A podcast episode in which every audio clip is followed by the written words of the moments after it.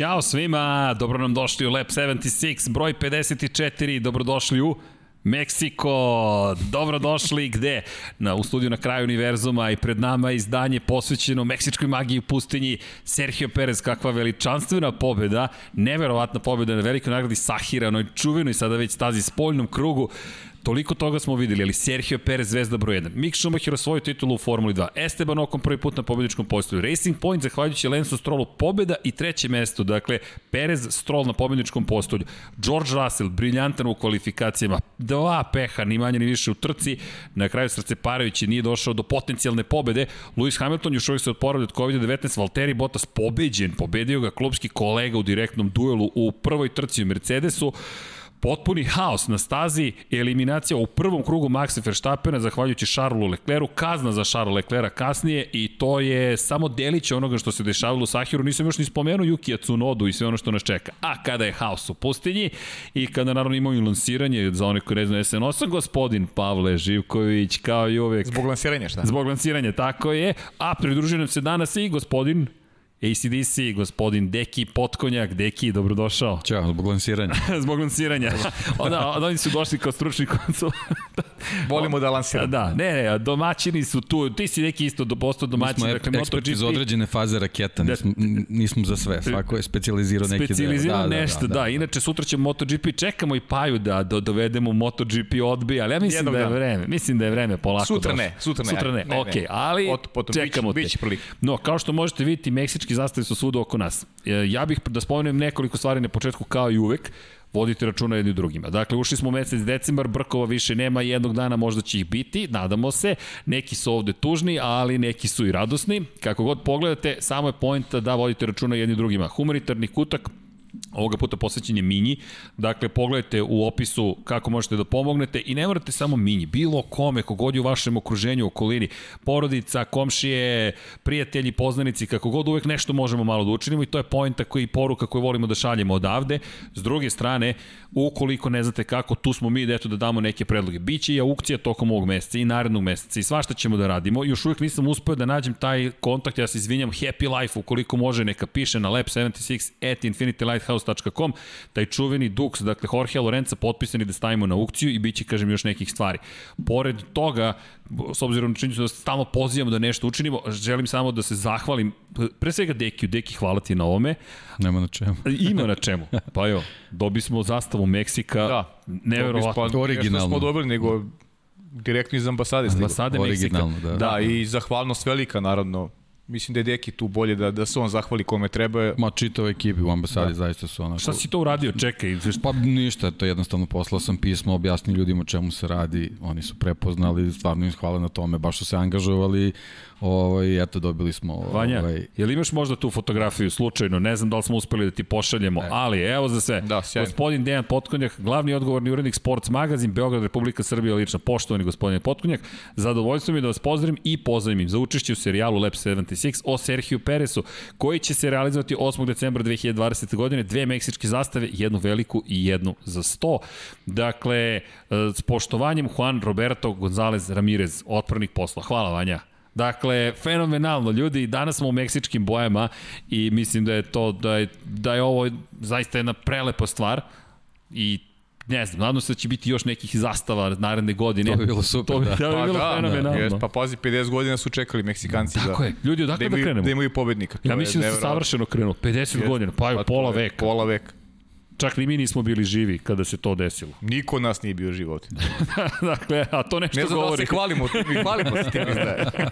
Čekaj, malo i mi da se pohvalimo, nešto nismo redko, doživjeli. Redko je to, da. da hvalimo, se, hvalimo, da. hvalimo se što tad nismo bili živi. Ali neverovatno, čovek je bio pritom u prvom krugu na poziciji 18, poslednji posle incidenta koji je Čekaj, sređi, sam ti rekao utorak će pobediš, tako je. Čekajte, da, izvinjam se, u pravu si. Možeš da, ti rekao tvoje, gde ti šolje, baba Vanja? Sam ti rekao šolje potpuno. Da, i sam ti rekao da će pobedi utorak. Nije potpuna šolja. Ne, ali šalim se, ali, ali nisam tokom trke mislio, definitivno. Nakon onog incidenta na početku ja sam odustao. Ti si, ti si bio taj koji posle rekao veruj i dalje, Ima to. šanse, da. Ne, Sergio Perez, nešto, nešto, i pazi, tebi je nešto govorilo još Pa u me, utorak. ne, meni govori nešto već nekoliko, par meseci unazad. Znaš onaj moment kada je traži da se izjednače uslovi Da, sa... i njegova forma je očigledno. Njegova forma i neki njegov, ajde da kažem, da li je to inat, eh, pošto mi volimo da koristimo tu reč inat na ovim prostorima, neko nas pokreće često, ali neka želja da se oprosti od ekipe na pravi način, ono što on radi prethodnih, pet nedelja je majstralno. Eh, Čak i trke koje nije završio, je bio sjajan. Tako da je Sergio je taj koji, koji gura taj Racing Point napredi. Mislim da je ovo samo eh, kruna onoga što je moralo da se dogodi ranije. A ako je neko zaslužio da upiše pobedu za, za nekadašnju Force Indiju, za Racing Point, to je svako Čeko Perez. Ovo je, Definitivno. ali ovo je nekako kruna svega što je radio. Jest. Toliko puta je bio blizu nekog do velikog uspeha i nikako da ga kruniše. Mi smo se setili tokom trke Zaubera 2012. u Maleziji protiv Fernanda Alonsa od onda nekako u McLaren odeš, ne dese se dobre stvari. Odeš u timove koji, u kojima spašavaš karijeru, dođeš do Racing Pointa koji se najzad razvija, dobiješ otkaz, dobiješ COVID-19 i sad nekako uspeš da se vraćaš na pobjedičku posto u Imoli srceparević Pritom, bez pritom pobjedičkog po, postava. one reakcije sa porodicom Strel, srdečni pozdravi, Sve Sve stvarno je gospodin, kulturno i, i rastana kulturna s njegove strane, a mogo je da bude drugačiji. Ne, mislim, što se, što se mene tiče, on je, on je vozač dana. Mislim, svaka čast sad pričat ćemo Jeste. dalje o tome, ali, ali o, pozicija na kojoj se on našao posle onog okretanja, to je gore bilo nego da je startovao sa poslednje pozicije. Posebno na onoj stazi videli smo kako, kako se ovaj intenzivno sve tamo ovaj odvijalo, ovaj zaista mislim jednostavno ja mislim da će da će se o njegovom dostignuću tek pričati Slažem se. Kako u stvari on došao do, do te pobede. Naravno uvek trebaš da imaš neke sreće da, da se da se ovaj stvari razvijaju ovaj na, na način kako se kako se razvilo da, da bi došao ovaj da se neki splet okolnosti slože, ali jednostavno moraš da imaš sreće, ali ali uz tu sreću dolazi naravno i kvalitet vožnje koji je nesporan bio na ovoj trci. Pazi, e, e, znaš te, o- ovo je rang onoga što je Kimi Räikkönen napravio u Bahreinu 2006. godine. O čemu pričamo i dan danas se toga posjećao mi stariji. On je tada bio treći. Čak i da nisu imali e, ovakve probleme u Mercedesu, da je završio i treći Čeko Perez, to je za, za da Takođe, se da, priča isto, isto, da, e, da, da, da. se priča godinama e, šta je napravio. A još pobediti neverovatno. Zaista jedna od najspektakularnijih trka koju smo gledali u istoriji Formule 1. Ne Da, samo... jo, ba dobro, i ono što ste vi pričali, mislim imali smo recept američkih ovaj, šampionata gde, gde se vidi da je taj caution period može da donese baš, Bravo, baš zanimljive velike stvari. promene, jeste. Velike promene, a to se ovde baš i desilo. Baš tako. Racing Point došao do pobede, tim koji je nastao kao Jordan. Evo ga, ovo je fenomen, hvala Vanja. Obratite pažnju na ovu fotografiju, ukoliko već niste imali priliku da je, da je analizirate, ovde ima tako mnogo stvari. Ja stalno pričam o tom kultu fotografije. Meni je taj jedan kadar, moment koji govori tako mnogo stvari. Obratite pažnju na, na, na nekoliko detalja. Sa desne strane, u beloj majici, je gospodin iz McLarena da je tima za koji je vozio Sergio Perez ne fotografiše svoje vozače u ovom momentu, ne fotografiše Serhija, fotografiše ceo tim Racing Pointa koji dočekuje Pereza L0, nema više krugova, P1 i Lensa Strola P3 i način na koji slave. Obratite pažnju kako fotografišu iz redarske kućice, sudije fotografišu ovaj trenutak. Ovo je istorija uživo. Ja, mislim, sad mislim da će ovome da se tek priča. Da, Hoće, naravno, I slažem to se. mnogo, ali obratite pažnju na još jednu stvar. U skroz levom uglu piše Per. To je ekipa Alfa Romeo nekadašnji Zauber, za koji je vozio Sergio Perez, koji dočekuje Sergija Pereza kao velikog, veličanstvenog pobednika i imate jednog od predstavnika ekipe Alfa Tauri, kako aplaudira upravo u dukserici Alfa Tauri. Pogledajte gde su se popeli predstavnici Racing Pointa. Meni je ovo za... Hvala ti što analiziraš sliku ovako, nisam pola naočare, ne mogu da vidim. Hvala ti. to je. meni, meni treba ovo. Da. I, I za one koji nas slušaju na audio podcastima, dakle na podcast platformama, ovo je trenutak istorije. Prelepa Sergio fotografija, Jest. pravo si. Prelepa Jest. fotografija. I ovo je isto, hvala ti Vanja, meksička zastava stoji iznad uplakanog Serhija Pereza 50 godina od kada su imali nekoga koji je u Formuli 1. Inače, za one koji eventualno ne znaju, u Formuli 1 nije bilo previše meksičkih vozača. Dakle, mi smo do sada uz Serhija Pereza imali šest takmičara iz Meksika. Međutim, šta postoji zajedničko, evo, nije nagradno pitanje, ali, ali pričamo, šta je zajedničko sa, sa čovekom koji trenutno predstavlja Ferrari i koji je zapravo prouzrokovao ceo incident. Dakle, incident sa, sa početka trke. Dakle, pr pričali smo Pričali smo dosta o tome, o, o, pričamo pre svega o pobedniku. Analizirat ćemo mi naravno i, i šta se desilo u samoj trci. Ali da krenemo od Charles Leclerca iz te perspektive i veze sa Meksikom. Charles Leclerc je drugi najmlađi vozač koji je ikada vozio za Ferrari. Da li znate ko je najmlađi? Nas trojica znamo, ali evo pitanje za vas, ko je najmlađi ko je seo u Ferrari? Desilo se takođe pre nego što smo se, ne pre nego što smo se mi rodili, ali 1961. na velikoj nagradi Italije, brzo ćemo odgovoriti, Ricardo Valentin Rodriguez de la Vega je seo u bolid sa od 19 godina i 208 dana. Meksički vozač koga je Ferrari izabrao da vozi za njih, tragično je nažalost izgubio život u sticaj nesrećnih okolnosti 62. već na velikoj nagradi Meksika u čuvenoj Peraltadi.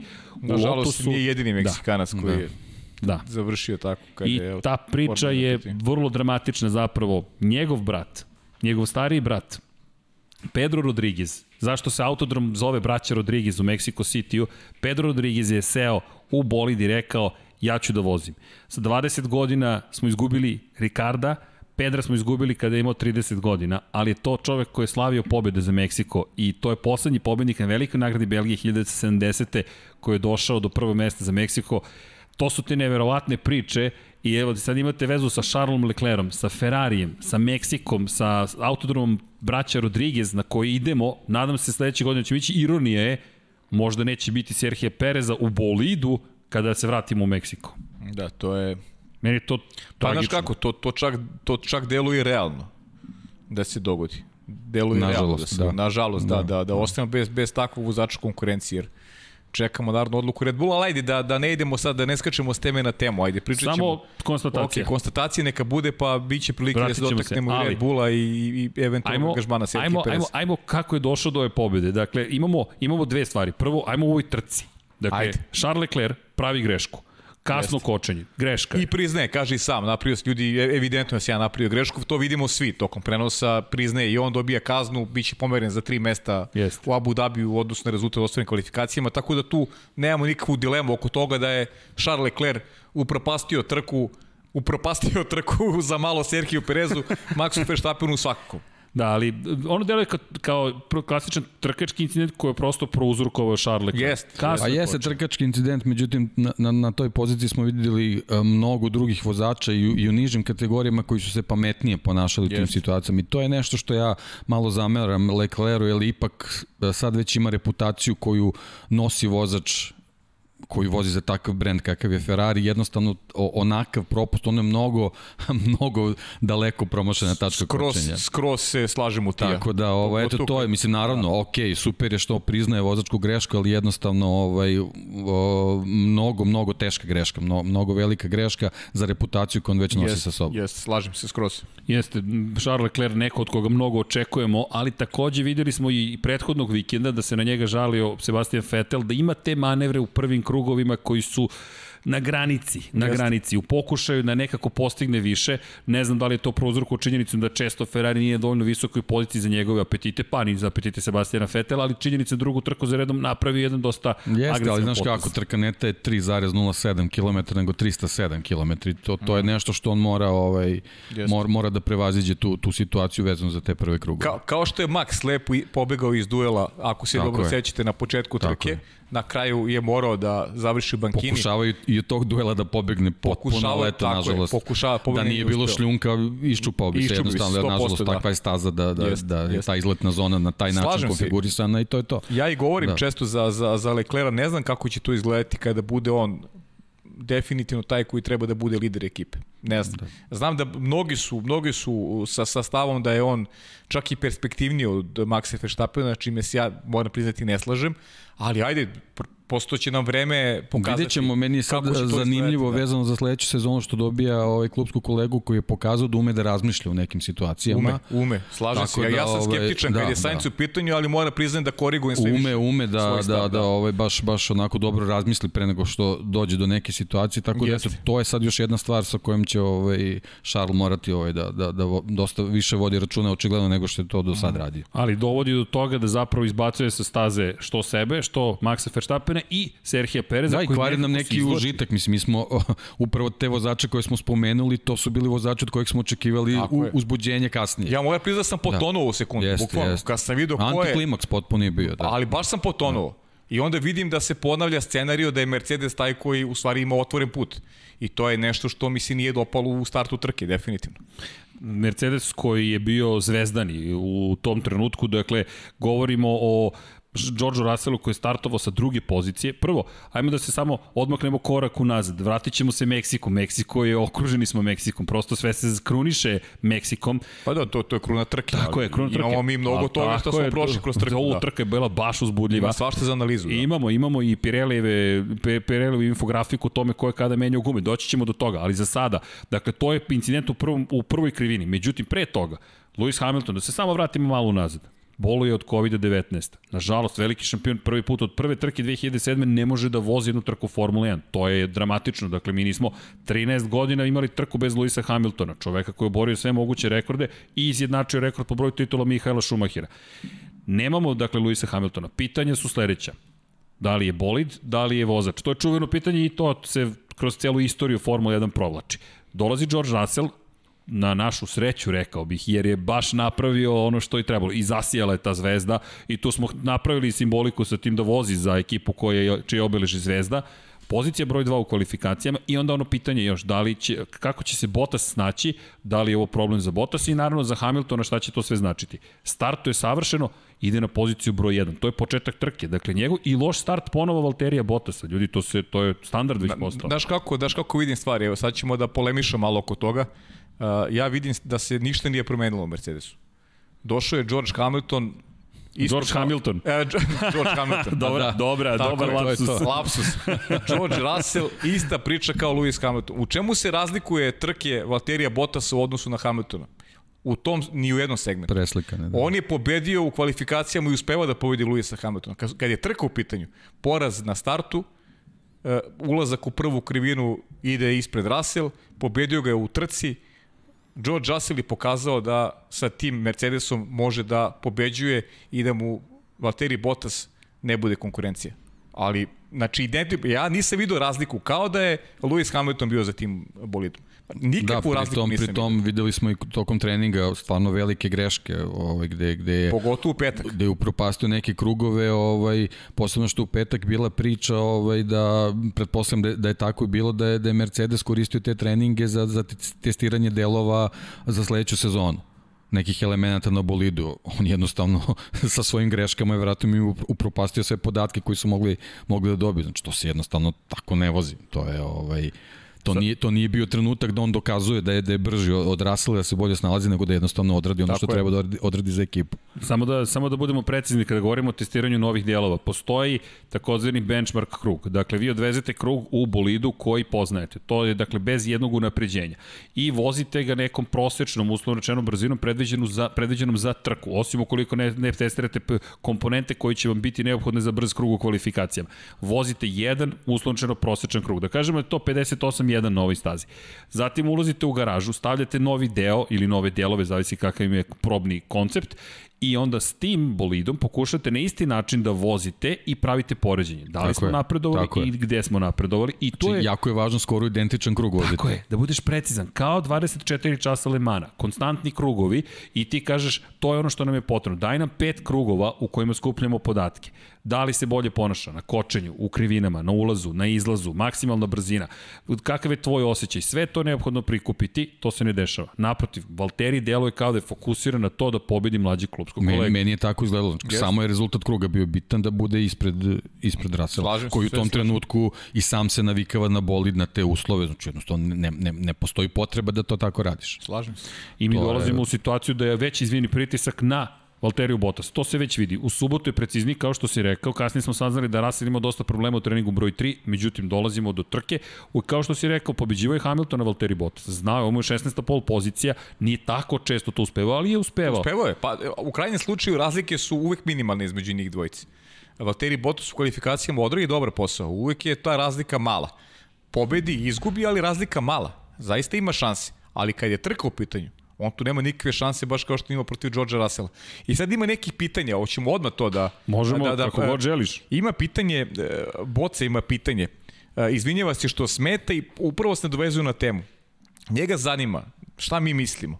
Da li, na primjer, Mercedes, Ferrari ili Red Bull uh, za prve vozače prave bolje bolide, a za druge vozače prave slabije bolide Kaže, ne umem da se izrazim, kaže, možda najpreciznije, ali razumećete suštinu. I generalno nije loše pitanje kada gledamo iz, iz, neko, iz nekog ugla, da kažem, ljudi koji, koji e, često sam i to čuo, da, da ljudi smatraju da a, da prvi vozač ima privilegiju u tom pogledu da, A, znaš da, kako, da se to bolid priprema za To njega. je po meni nekako prirodno, jer ti kad kreneš neku stvar da, da radiš iz početka, moraš da imaš neke repere. A, u svakom slučaju, vezano za Formulu 1, reper treba da bude jedan vozač. Znači, ne, mo- ne može da se pravi automobil za dvojicu, kao što imamo pri, a, priču i u Moto Grand Prix vezano za, za motocikl. Tako je. Na primjer, to konkre- konkretno za Repsol Honda što se ove godine videlo. Znači, taj motocikl je pravljen za Marka Markeza. Jel, jel on je taj koji je davao najvažnije inpute u, u formiranju tog motocikla. Tako je, pretpostavljam, vezano i za, i za Formulu 1. Izabere se u okviru ekipe jedan vozač koji će da daje ključne inpute. Ne mora to da bude direktno uslovljeno da se taj bolid pravi za njega, ali njegov ti, njegovi inputi su vezani za njegove afinitete i samim tim već se tu a, pravi neki kostur za koji može da se kaže da je usmeren na određenog vozača. Pa, hajmo da, da, da, da budemo da budemo vrlo, vrlo jednostavni. Kada govorimo, evo možemo na primjeru Ferrarija. Ferrari kada je doveo Sebastiana Vettela je rekao, ok, mi ćemo da menjamo koncept kako mi pravimo bolide, to je taj čuveni high rake. Podizat ćemo zadnji kraj što više možemo, kako bismo stvorili taj efekat koji je Sebastianu Vettelu neophodan, a to je čvrst zadnji kraj bolida. Tako je. I kogod da sedi sa druge strane, moraće da prihvati tu vrstu bolida. Da li se oni sami jedan po odnosu na drugog razlikuju? minimalno. Ponekada jedan vozač dobije da testira jedno prednje krilo, drugi ne dobije. Najveći skandal tog tipa, baš kada spominjem Sebastian Vettel iz ere Red Bulla, kada su Marku Weberu u kvalifikacijama skinuli novo prednje krilo i stavili ga na, pred, na prednje, zapravo na bolid Sebastiana Vettela, Mark Weber osvojio pol poziciju i rekao nije loše za vozača broj 2. Helmut Marko je naredio da se to učini. Ali to su Pa eto, to je eksplicitan primjer, ali, Da. ali to je to, opet je ob, oblikovano ko nekog vozača. Jeste. Ali imamo, kad je Mercedes u pitanju, imamo primjer Nika Rosberga, koji je nazovi vozač broj 2 bio, ili tako? Da. Ali Niko Rosberg je se izborio za to da osvoji šampionsku titulu u konkurenciji. Ali ga je to toliko iscrpelo da je bilo dovoljno Da, za okej. ceo život. Da, dobro, mislim. da, da. Ne, Ali a, uspeo. upravo Titule, to. što je- što je ovaj, a, imali smo situaciju sa Russellom. On nije mogao da se smesti u bolid Mercedesa. Da, Moguće da je, ta, da je taj monokok formiran prema Lewisu Jeste, Hamiltonu. Tako je. Tako da, pitanje je koliko je i Valteriju Bottasu udobno, eto da nešto bude u njegovu odbranu. Jeste. Ne, ne, ne. U, upravo, da- upravo da. u odbranu Valterija Botasa, uh, sad negde i stajem u odbranu Valterija Botasa. Ne ja stajem, nego ovo pitanje možda Tako je, bude tako je. uh, negde Pa da se pričamo. obrani Valteri Tako je. Botas. Mada ja, ajde, doćemo do toga, imam neki stav kad su u pitanju, kad je u pitanju budućnost Mercedesa, Ali- šta će se dešavati. Mene je bar ova trka usmerila da razmišljam u tom pravcu. Uh, vidi, ono što, kada je reč o ono što je bitno napomenuti, rekao bih opet poredim Charles Leclerc i Sebastiana Vettela i to je Valtteri Bottas opet.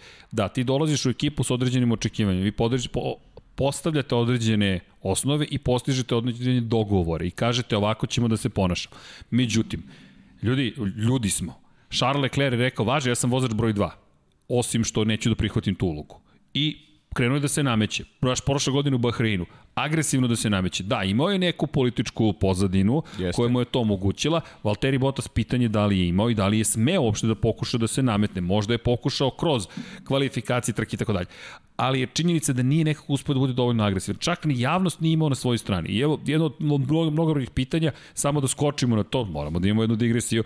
Dakle, uklonio je sa svog Instagram profila potpis da je Da, vozač Mercedes tome, da. AMG AF1.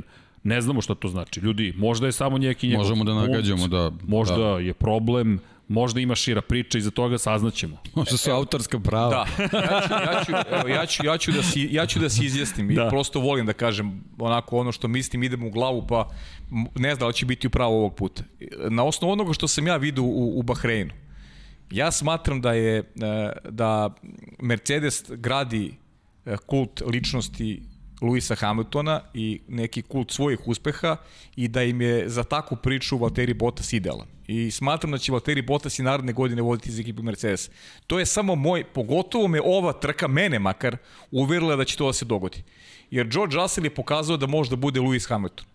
George Russell je pokazao, bez obzira što trku nije Znaš završio, kako, George Russell je pokazao da bilo koji iole kvalitetan i talentovan vozač može da bude u tom bolidu u, upravo konkurent. to. Upravo to. Znači, A to je ono što si, što si rekao, Mercedesu to ne treba. Ne treba. Mercedes Njemu to ne treba. Oni grade svoj priču, e, grade kult ličnosti Luisa Hamiltona, e, to je, to je, jedna, to je jedno vezivno tkivo. Vezivno tkivo. Mercedes je napravio Uh, s, mnogo toga uz Luisa Hamiltona. I mislim da će ta saradnja trajati i sledeće godine sigurno dok se dok definitivno Luis ne postane i osip put svetski šampion, složit ćemo se ima najveće šanse. U toj uh, raspodeli snaga njemu ne treba George, George Russell. Valtteri Bottas je idealan. Ne postoji idealniji od Valterija Bottasa.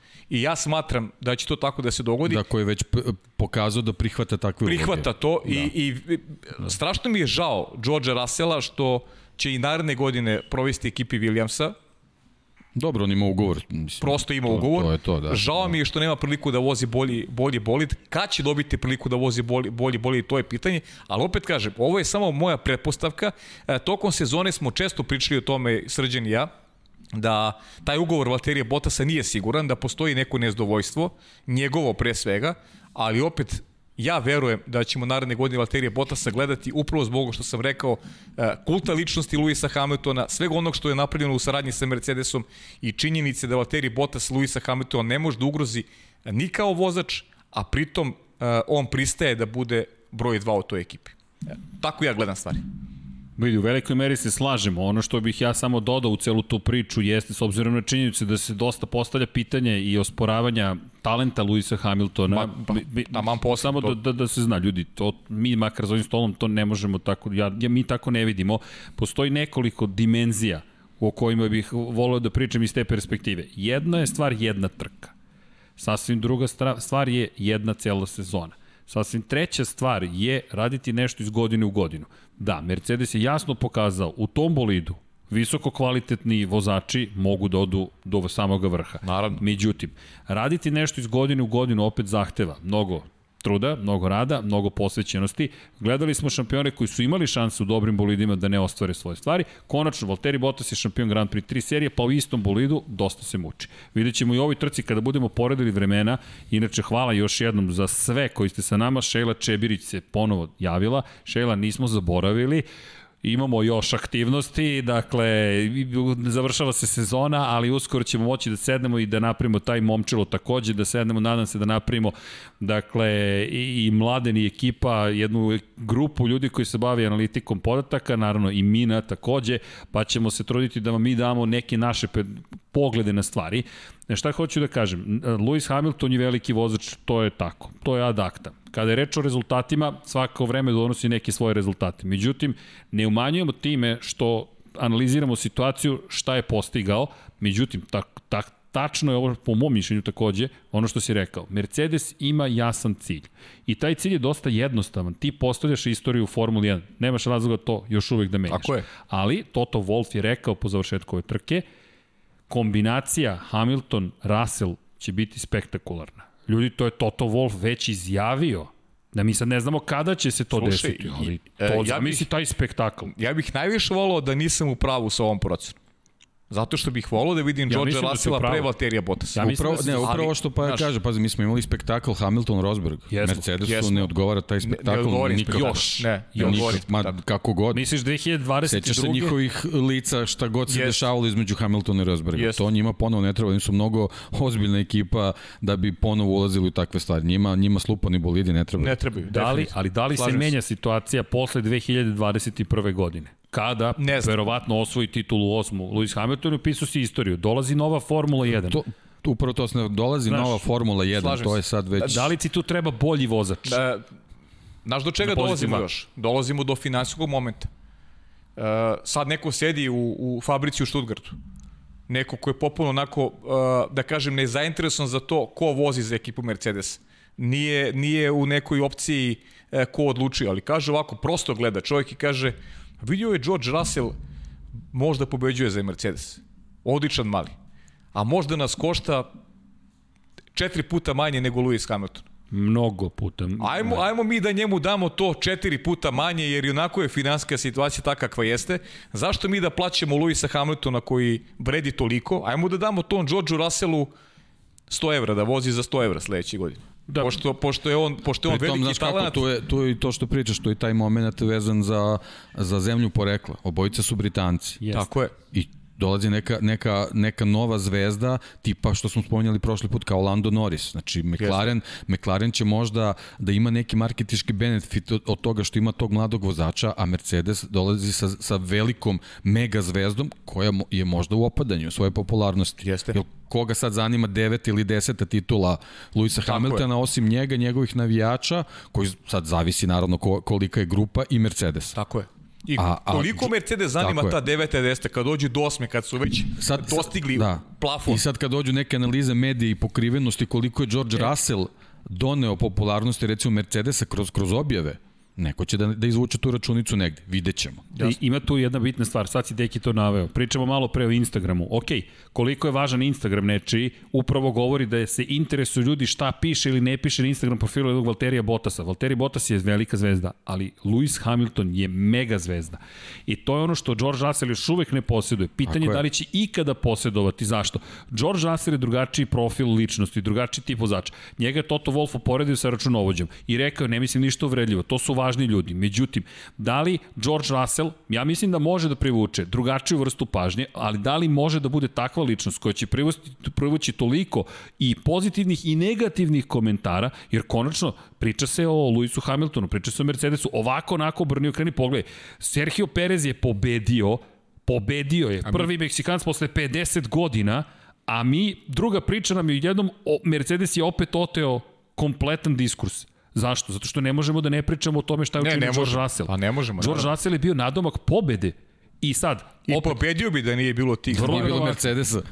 da, da, da nije bilo Mercedesa, bravo. Da nije bilo Mercedesa. Bravo, Deki, da nije ne, bilo Mercedesa, pobedio. Da nije bilo Williamsa. Ne da. zaboravimo, da. prvo Latifi otkazuje bolid, a onda Jack Aitken pravi grešku koja dovodi do celog spleta okolnosti koji otvaraju probleme koje je imao tim Mercedesa. Međutim, Jack Aitken ima baš loš casting. Ba, jeste. Baš je loš casting. Znaš kako, ja, ja, ja nisam pristalica teorija zavere, to, to znaš da mrzim to, ali znaš šta bi recimo interesantno? Nismo videli taj, taj uh, pokidan pneumatika George Russella. To mi malo smeta, pa, moram priznati. Ali vidi. Ok, one greške i to, ali uh, pokidan pneumatik mi nismo videli. Ali nije bio, bio je slow puncture. Oni su mu rekli da. izduvanje pneumatik. Mi ne znamo šta tačno to znači. Mi ne znamo. Ono što je, George nije postavio nikakvo pitanje. George je odvezao i to je to. Zašto ja smatram da se da nije bila nikakva uslučena namešta. Diverzija, Tako diverzija. Je da, da svedemo to na je, vrlo jednostavnu stvar. Setimo se samo kako je prošao tim Renaulta zajedno, Pet Simons zajedno sa velikim Flavijom Briatorijom kada su odlučili da nešto nameste. Ukoliko se otkrije da je Mercedes nešto namestio, nema tih para, tih medija koji će ih oprati ikada i kada ih oprati kada govorimo o skandalu koji su prouzrukovali. Dakle, mi govorimo o situaciji u kojoj, šta je to za mene? Hvala. Tebe vode, Voda, da. hvala. Malo dakle, Hvala, da, mnogo pričam. ok, hvala. Dakle, to neće, nismo rekli. Da, da, hvala. Dakle, neće biti Imam čaj, kafu i vodu, odlično. Dakle, kada govorimo o, o vrednosti ili gubicima potencijalnim, ljudi, to, to nema premca. Dakle, skandali nikome nisu potrebni. Pri čemu imamo toliko, imamo 4K prenose. Vidio sam da su i gledalci sport kluba analizirali. Guma uvećana, nije izbušena. Samo zamislite Ako da se je tako nešto. E, zadnja leva, mislim da je, da je zadnja leva. zadnja leva. E, u kadru, u trenutku kad se parkira, kad dolazi do mehaničara, deluje mi da se vidi da je Tako. guma popustila. Ja da. nisam vidio, pa ja to je, okay. Morat ćemo da ako je, skopamo ako je, taj ako je zadnja leva, sad, sad, super, ja, sad ne mogu da... Ja samo sam rekao da... da sam, ne, ne, tvoje ništa, pitanje je fantastično. Samo sam rekao da znači, u trenutku videli. kad se menja kadar na njegov ulazak prema mehaničarima, vidi se da, Pazi, da je ta... Ja, ja sam da, pomislio da, da, da, da su pogrešili, da je režija pogrešila pošto mi, mi u tom trenucima gledamo kako se Bottas muči, kako gubi pozicije i da, odjednom da, poruka na malom za George ekranu, Russell. Na malom ekranu Tako se gore vidi. E, i onda, da. onda odjednom da vidimo mali ekran gde da. George Russell ulazi. Skreće, da. Da. da. I zašto, za, moja, za, koja je moja argumentacija da to Mercedes nije uradio? Da se otkrije ikada, a to može da se otkrije, dovoljno i da se kasnije otkrije, to je skandal takvih razmera da Mercedesu to nije potrebno. Priča se o zaveštanju, o zaveštanju Luisa Hamiltona i zaštiti Luisa Hamiltona. Ljudi, nema, nema potrebe to da se radi. Luis Hamilton ima 95 pobjede, 98 pozicije, 7 titula šampiona sveta. Nevažno je šta mislili ili ne, to je tako upisano. To su rekordi ne, ne, Formule 1. To, to Mercedes jest. ne dobija dovoljno time što bi sabotirao Georgea ne, Russella. Ne, ne dobija ne, dovoljno. Ne dobija, ali ono što smo mi dobili kao, kao gledalci, dobili smo potvrdu da jedan super talentovani dečko, kakav je George Russell, uh, sa tim Mercedesom radi iste stvari kao Lewis Hamilton. I taj George Russell, ja evo, pričam iskreno sad, koliko god da sam a, prognozirao da će pobediti Sergio Perez, Ja, ja Imaš osmeh na lic meti da, ali, a, a, samo ti kažem nešto, ali znaš šta sam u finišu, moram ti, ja sam iskreno navio da George Russell pobedi u toj trci, ali, ali najiskrenije. Iako sam prognozirao da će, da će pobediti Sergio Perez, priželjkivao sam da dečko odradi posao do kraja.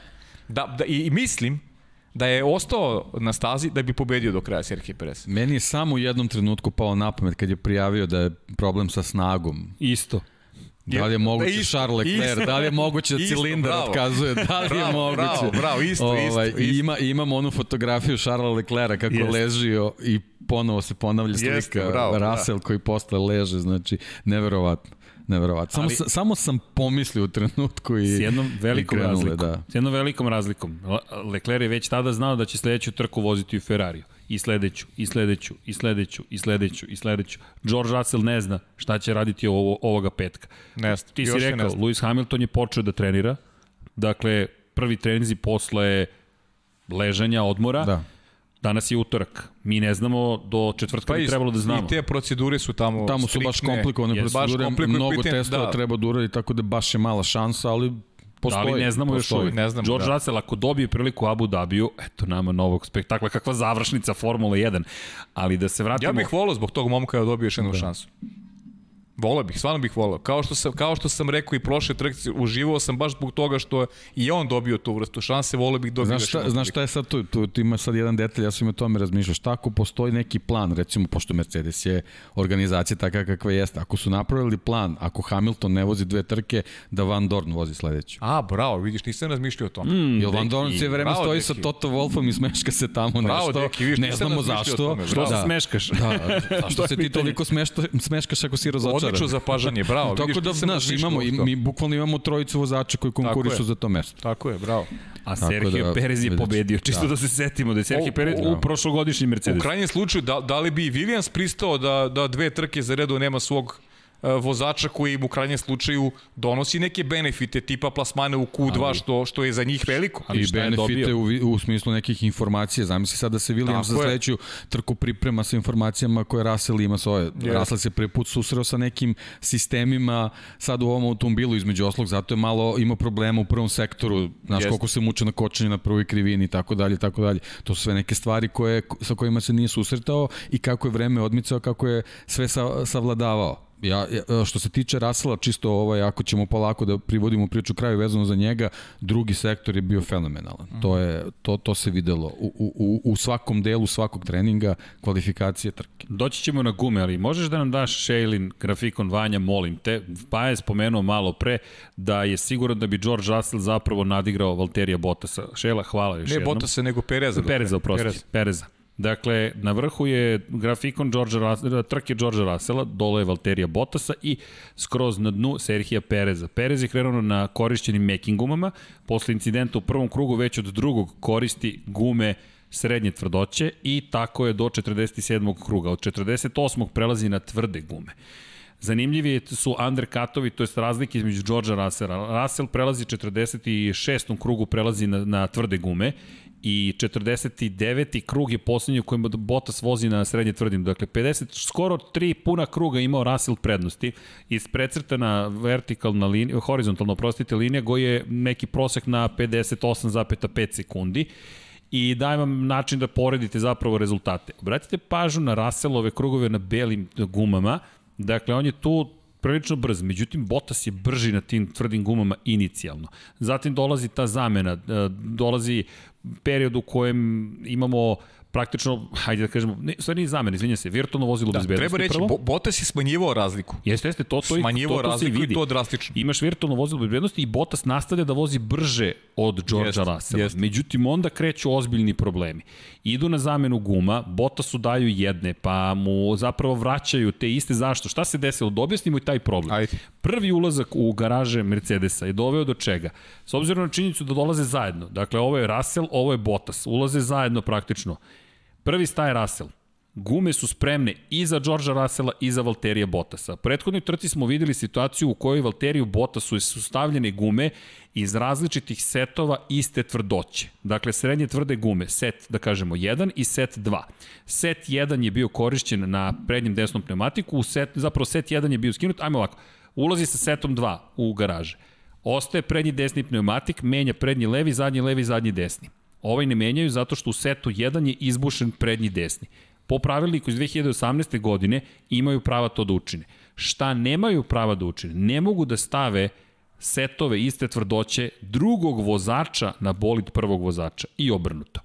Dakle, nije to ko je bolji ili lošiji vozač, već prosto ne možete da pomešate Bottasovi obeležene su, obeležene su pneumatici. Tako je, to je prekršaj. I šta se događa? Mehaničari koji su zaduženi za zamenu guma, Russell je pritom pogrešio, otišao je malo dublje, promašio je linije koje imate za zaustavljanje i natero je svoje mehaničare da moraju da vuku gume bliže u tom celoj pometnji i u lošoj radiokomunikaciji nisu dobili informaciju koji vozač ulazi prvi i koji ulazi drugi. Wolf je rekao već da će se po time pozabaviti. Mehaničar hvata pneumatik koji je za Botasa, stavlja ga na boli Đorđa Rasela i onda shvataju šta su učinili i on pokušava da ih obavesti ne, ne, ne, ne, već je kasno. Puštaju Rasela, pre, prekršaj broj 1. Dolazi Botas. Sad Botas ne može da dobije srednje tvrde gume, jer to nisu njegove gume. On mora da ostane nazad na svojim tvrdim. Skinuli su ih i onda su mu vratili tvrde gume. I to se vidi na onom grafikonu da je ostao na, na tvrdim gumama. Pritom su se mučili Mo, da skinu tu prednju levu, to je trajalo. Pri tom je veliki problem, automobil stoji, pregreva se, Tako milione elemenata ima, videli smo, kočnica je počela da gori.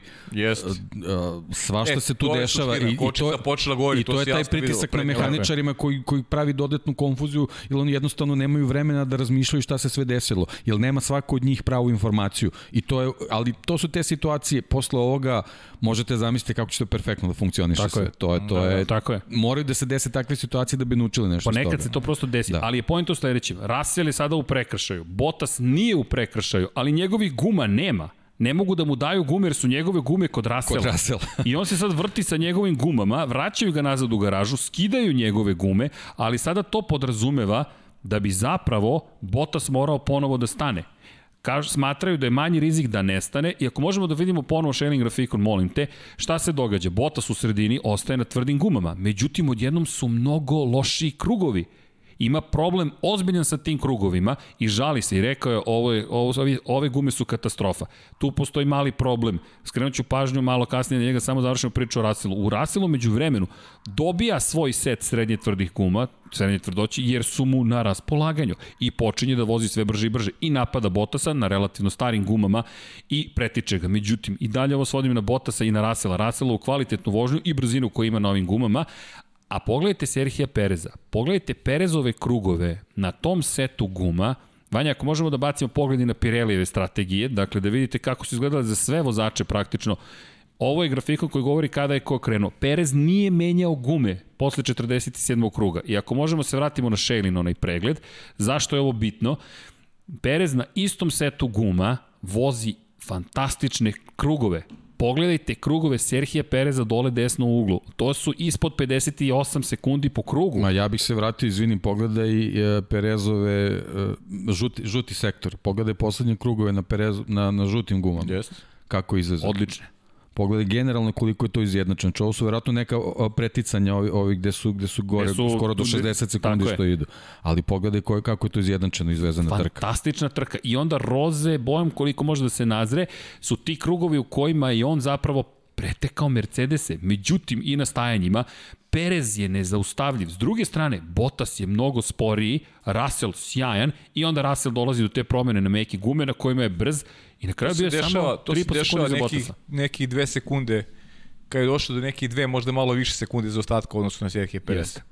Tada dolazi do tog pucanja pneumatika zbog kojeg on odlazi i tada već mi u principu negde imamo pobednika. Slutimo, slutimo ne smemo da ga promovišemo, ali slutimo šta će se dogoditi do kraja, ali razlika između Serhije Perez i Okona je bila nešto oko 8 sekundi, recimo, otprilike. Inače, prošle godine u Nemačkoj ekipa Netflixa je snimala Drive to Survive, najgora trka Mercedesa, ne smem se zbog Mercedesa, žao mi je bilo koga koji ima probleme, ali doći Netflix i vi kažete super, leder hozne, obučete, spremite se za proslavu i ništa katastrofa. Bude potpuna katastrofa. Za vas Max Verstappen zabeleži pobedu. Jedino što smo gledali mi spektakl, pa je bilo zabavno. Znači šta smo naučili? Dieter Ceč i Netflix ne smiju da ražu Mercedes. to je...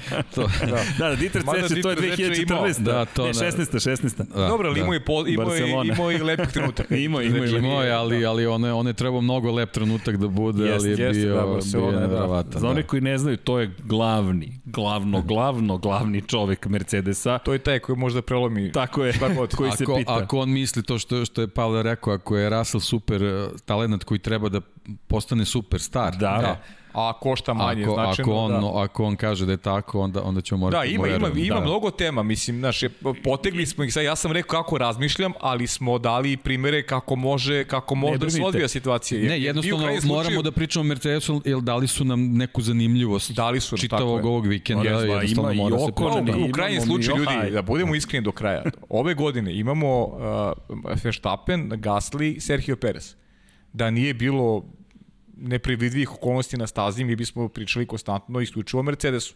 Jer niko ne može da ih pobedi u nekoj trci koja je u kojoj nema nekih peripetija za njih. Jednostavno nemoguće pobediti. Pa ni sad ih niko ne bi pobedio da nisu sad, napravili grešku. Pa i sada ne bi pričao o Sergio Perezu, nego bi pričali vratno o Georgeu Russellu i o tome kako, eto, seo za Mercedes i odradio... Ali dobro, posle. znaš kako, i priča o Seni i McLarenu je bila takva, osim ako se on ne zakucu u zid, zato što mu padne koncentracija. Ne, ne, slažem se. Slažem Ili se. okrene se u šikani, zakače ga u monci i tako ne, ne, ne, ne, razlika kritika. za taj period da, da, da. je što smo imali da. dvojcu vozača u najboljim bolidima. Da. To, je bio, da. to je bila razlika. Što smo mi gledali Senu i Prosta koji se bore za titulu, dva vrhunska vozača. Da, ali to je bio taj jedan od nauka zašto ne možeš da imaš dva dobra vozača. U... McLaren nije naučio. Tako je. Tako je. I, McLaren nije naučio, da. McLaren nije naučio, I da. vraćamo se na, na, na onu priču da li se pravi automobil za jednog ili za drugog. Da, da, tako je. Tako ja i dalje više šta. volim McLarenov da. princip, da. I ja isto, je problematičan ja isto, za njih. Ja isto, ja, na, ja navijam, da. ja zato, mislim, navijam, volim McLaren upravo zbog tog stava. Ja ih obožavam zbog tog stava. Jel, čekaj da vas Stvarno. pitam, kada spomenete Ceča, ko ima bolje brkove? Ti, misliš ti ili Ceče? Ceče, Mencel. Ili ti? Ja, Chase Carey. ne, ne, Mencel, ja kad pa, ne, ne, tu je, tu je sad veliko finale je Carey i Ceče, mislim, vi otpadate.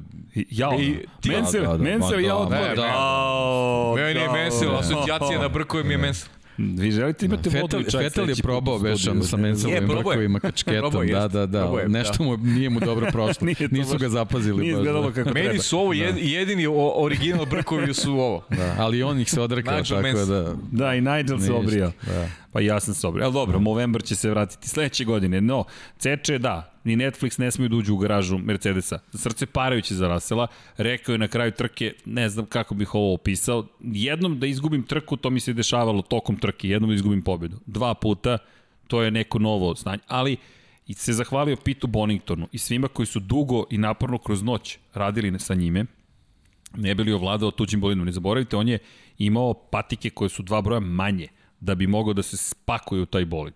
Voziš, da, da. voziš ne, bolid Formula 1 ta, taj način. Skidam čudo. kapu, svaka mu čast. I u svoje prve poene u karijeri. Što bi rekli, ma, mali je čudo, stvarno. I deveta pozicija, najbrži krug trke, ukupno tri boda, prvi u njegovoj karijeri. Da, bilo bi romantično da je bilo pobedom, međutim, u onom momentu, daš Perez ili Russell, ja nisam mogao da, da, da, da kažem šta bih volao. Ja, ja iskreno ti kažem, ja sam, ja sam neko sam priželjkivao da, da, da pobedi Russell na kraju. Ne znam zbog čega. Eto. Ali... Iako sam jako stvarno mnogo poštojen Serhija i, i, i karijeru njegovu kompletnu i i odvratno mi, odvratan mi je način na koji je otišao iz Racing Pointa i zbog toga stvarno priželjkujem njegove dobre rezultate, ali u finišu trke sam neko navio za, za Đorđa Ma, ne. pobjeda Đorđa bi bila pravo onako bajka ona. Baš bajka. Ovaj, Baš bajka. I... Koja bi doprinala stvarno popularnosti svega, verovatno još više, a posebno u Britaniji, mislim, moram da se osvrnem, oni, oni su jako važno tržište. Kako ne, i, kako ne. I ovaj, to je jednostavno A i potvrda, bi bilo dobro. Iskreno moram da. priznati iz, iz jednog istog stava ličnog, kako ja vidim stvari, za mene je Mercedes najveća zvezda u prethodnih 7-8 godina u Formula 1. Mercedes je najveća zvezda.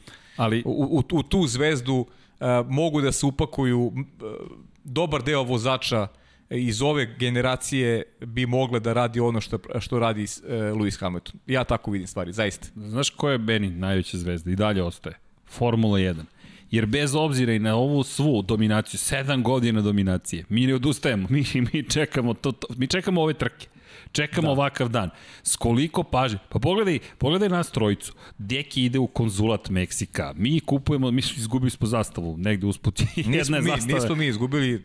Ja sam izgubio. Čast. Ne, ne, meni to nije palo na pamet. Znači ti si uošte inicijativa cela. Kupio da, sam je na, kupio da ne kažem gde. zastavu. Mislim, Jesam, ispade mi negde okay, ispala ti, negde dešava se. Naći ćemo, sad. kupit ćemo drugu, pa ali, da, ali, se, ali pazi sad šta nas inspirisalo. Da mi krenemo da nabavljamo zastave za studio zastave ljudi koji pobeđuju. Pa, čisto da obeležimo, zaslužili čovjek. Zaslužili su. Da. Pazi, ali Meksiko pola veka, meni je to fenomenalno. Vratit ćemo se na njega. Njegova priča je tek počela u suštini, bez obzira šta se desilo naredne godine, ali već ovaj moment je spektakul. Vanja, možeš da daš samo onaj kadar kada sedi na pobedničkom postolju. Jer se sjećate, ako ga imamo, dakle, se sećamo Pjera Gaslija, pogledaj ovu sliku, pogledaj ovaj kadar, to je čovek, pri čemu? Kadar opet i meni savršen, nazire se meksička zastava tamo dole desno, otvoren je šampanjac, drži se za srce, ima masku, čisto da zapamtimo da je to COVID-19 godina, jedna zla godina za planetu Zemlju i pobednički pehar. I bit će Inače, iz ove na, ekipe. Na, na podijumima Formula 1 su zabranjena bilo kakva obeležja, on je insistirao, pretpostavljam da ta zastava bude tu, tako da to je to je ovaj baš baš gest. Ali ga nisu sprečili. Nisu ga sprečili, da, da. Nisu ga sprečili. Da, da. I to je ono što je prelepo. Čik me spreči. Či, čiko me, a, čekaj, šta si ti rekao? Čeko dočekao. Čeko dočekao. Čeko dočekao. Dočekao je i Esteban Okon. Nemojmo zaboraviti poziciju broj 2. Evo ga Esteban sa leve strane. Esteban, cele godine toliki problemi. I zagrli dva velika rivala u istim tim bojama u Force Indiji. Setimo se, pa, Perez i Okon. Kako se ne Ovo je Stroll. Ovo je Stroll, ja da, da, izvinjam se, jeste Stroll, bravo deki. Nema veze. Ali, Zamislite, ali lepo upotrebite se, maštu. Lepo se se podsjeti ovaj, onih scena, i stalno neki, onaj, da. onaj Azerbejdžan potenciramo. Da, da, Azerbejdžan je baš na Bio je ono klasičan da, da, primer da. gde, gde je mogo, mogla Force India ovako da dođe do triumfa, dueli Perez i Okona su bili problematični. Baš su bili u formi, da. stvarno taj vikend je da. bio sjajan. Da. Bili su sjajni, a opet netrpeljivi jedan prema drugom, evidentno. Evo, posle prošle su godine njih dvojice zajedno na podijumu i šta reći, Esteban Okona ja sam ga otpisao iz, iz Renaulta, definitivno, gledali smo i Pjera Gaslija, ti si me naveo da razmišljam malo drugačije u, u, u smislu Teja Puršera, ali ovo što radi oko, ovo je ono što mu trebalo. Tako je. I pritom ovo je najbolji njega smo spominjali, njega nigde nije bilo čitave sezone. Tako je, nigde ga nije ovo bilo. je stvarno... Ovo je najbolji rezultat Renaulta u 2020. Da, to je da. bolje od Ricardo. Bolje od Ricardovih rezultata. Ricardo dva puta treći. E, ako se, ono, ako se neko i zapita kao ovaj, vezano za sledeću sezonu, da li, da li mu je mesto tu gde mu je... Ko to, pa po, on je sad pokazao, sve, da, pokazao da. da je to to. U jednoj da. veoma haotičnoj trci sjajno se snašao. Sjajno se snašao. Ali pazi, taktika uh, Renault je bila... U stvari, Možeš, Vanja, da nam vratiš Pirelli. Činjenica da je krenuo na srednje tvrdim je, je bila zaista dobra za, za Esteban Okona. Pritom start sa 12. pozicije na 8. je došao odmah na startu. Pogledaj. I već tada smo rekli da treba pratiti Esteban Okona da njegova trka možda bude dobra. Njega i Sebastina Vettel. Njega i Sebastina Vettela, bravo. Ali Sebastian Vettel vozi za Ferrari. I Ferrari, da, ali, bukvalno. Kako to zvuči? Ali ljudi, koliko puta ove godine su Sebastianu Vettelu po 6, 7, 8 sekundi menjali? Prošle. I pretprošle. I pretprošle, da, da. I da. neke druge vozače spominjemo i da. pogrešne gume. I Svašta, je. neverovatni su pe, ne, faulovi koji sami prave. Ali... Taj, ti detalji, tih 2-3 sekunde pokazuju koliko je Formula 1 ekipni sport. I koliko, koliko mora da se uspeti. radi na svakom sitnom elementu to Ferrari nažalost ne, ne usavršava u poslednje vreme i to, to a, a, znaš kako, ne možeš da imaš sreće sa tim, znači to, to bukvalno mora da bude uigrano i da, da se tačno zna šta se dešava. Gledam tvoj kadar, Ferrari ti je iza tebe, nekako da. ti si Ferrari, najviše, najviše se spomenje Ferrari kada si ti u kadru, ali prikladno je rekao bih, da, Ferrari tu pravi greške i ono što je šokantno, samo ću kratko još malo o Mercedesu, Ajde. jeste upravo to da se ovakva trka dogodi Mercedesu to je baš zahvaljujući tome što nas je Mercedes navikao da se to njemu ne događa.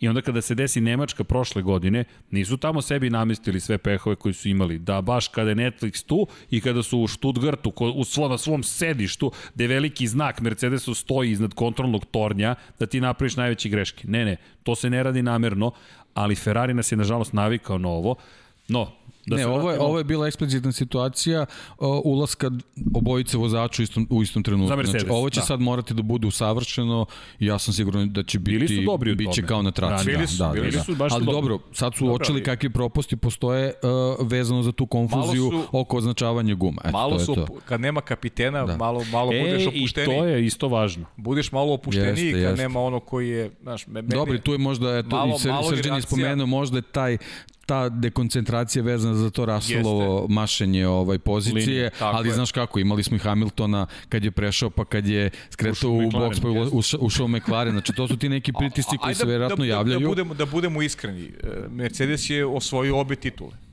Da. Uzeli su jednu i drugu titulu. Nema Luisa Hamiltona koji je, koji je glavna zvezda. Iskreno. Koji obara rekorde. Koji obara rekorde, koji, koji pomera granice. I sad imaš tu jednog klinca koji je došao tu prvi put i imaš Valterija Botasa. Valterija Botasa koji u principu odrađuje stvari za, za prvog vozača.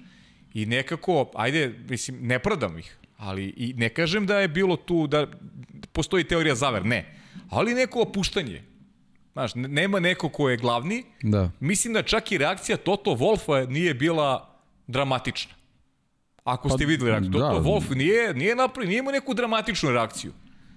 On je rekao da tu pričat ćemo o tim stvarima, znači nije tu bilo nekog sad na licu da vidiš neku, nešto se iznenadio previše ili je mnogo ljut. Sve je to bilo nekim granicama normale, da kažem. Da, u nekim da. drugim okolnostima verujem da bi drugačije reagovao. Jer sad kada imaš obe titule već u džepu, Mislim da... Jeste, zato što ovo je Kiks koji Kiks je... veliki. Da, ovo je... Za, zamisli ovakav Kiks ovo je Kiks drugorazredne ekipe. Jeste, ovo Kiks na početku Tako sezone je, da, je da. užas jedan, jer da. može da te odvede u popu neželjenom pravcu. A ovo na kraju godine, kada si ti već obezbedio sve te brojke titula osvojio, nije nešto pa ne, ovo ti, što pravi problem Kiks koji, da. koji potencijal možda ti odnese 45 bodova. To da. je to Jeste. je što kažeš na početku sezone ogromna stvar. A da, a daješ vetar u leđa rivalima da. na početku sezone, što je baš loše. No, da, da ne pobegnemo od Okona. Da ne pobegnemo od Okona. Da. Pogledaj kako Mercedes, da. magnet, uvijek privlači pažnju. Ali Okon, dakle da se vratimo njegovoj strategiji, ako možemo vanje da bacimo pogled, dakle, krenuo je na srednje tvrdim gumama. 41. krug, malo pre polovine trke i do kraja na tvrdim gumama. Ljudi, da. ali ovo je preslikana u suštini strategija koju imao Perez silom prilika, koji je krenuo na making gumama i završio na 18. poziciji i lepo si rekao na početku trke. Pavle, ovo su ljudi koje, o kojima treba voditi računa kada govorimo o Okonu i konkretno Sebastijanu Fetelu koji je krenuo na srednje tvrdim gumama. Međutim, ono što je fascinantno, da se dotaknemo i pozicije broj 3. Ljudi, Lance Stroll je 42 kruga vozio na korišćenim, to su gume koje koristio u kvalifikacijama u Q2 da bi ušao u Q3, 42 puna kruga je odvezao u, samo u trci meni to fascinantno. To je bilo na sve ili ništa da. i on je tu radi. I, I sviđa mi se ova igra sa, sa ovim taktikama, sa, sa gumama. Baš je, baš je bila, bilo jako zanimljivo. A znaš šta je meni, šta je meni bilo, deki srđane, šta je meni bilo interesantno kada pričamo, znaš šta nam govori sve to? Koliko su oni momci dobro vozili? Jeste. Jedna greška tebi uništi e, gume. Vratit ćemo se na Formulu 2. Kako je hoćemo, greška, kako hoćemo. je greška Mika Šumahera mogla da mu, da mu uzme celu sezonu.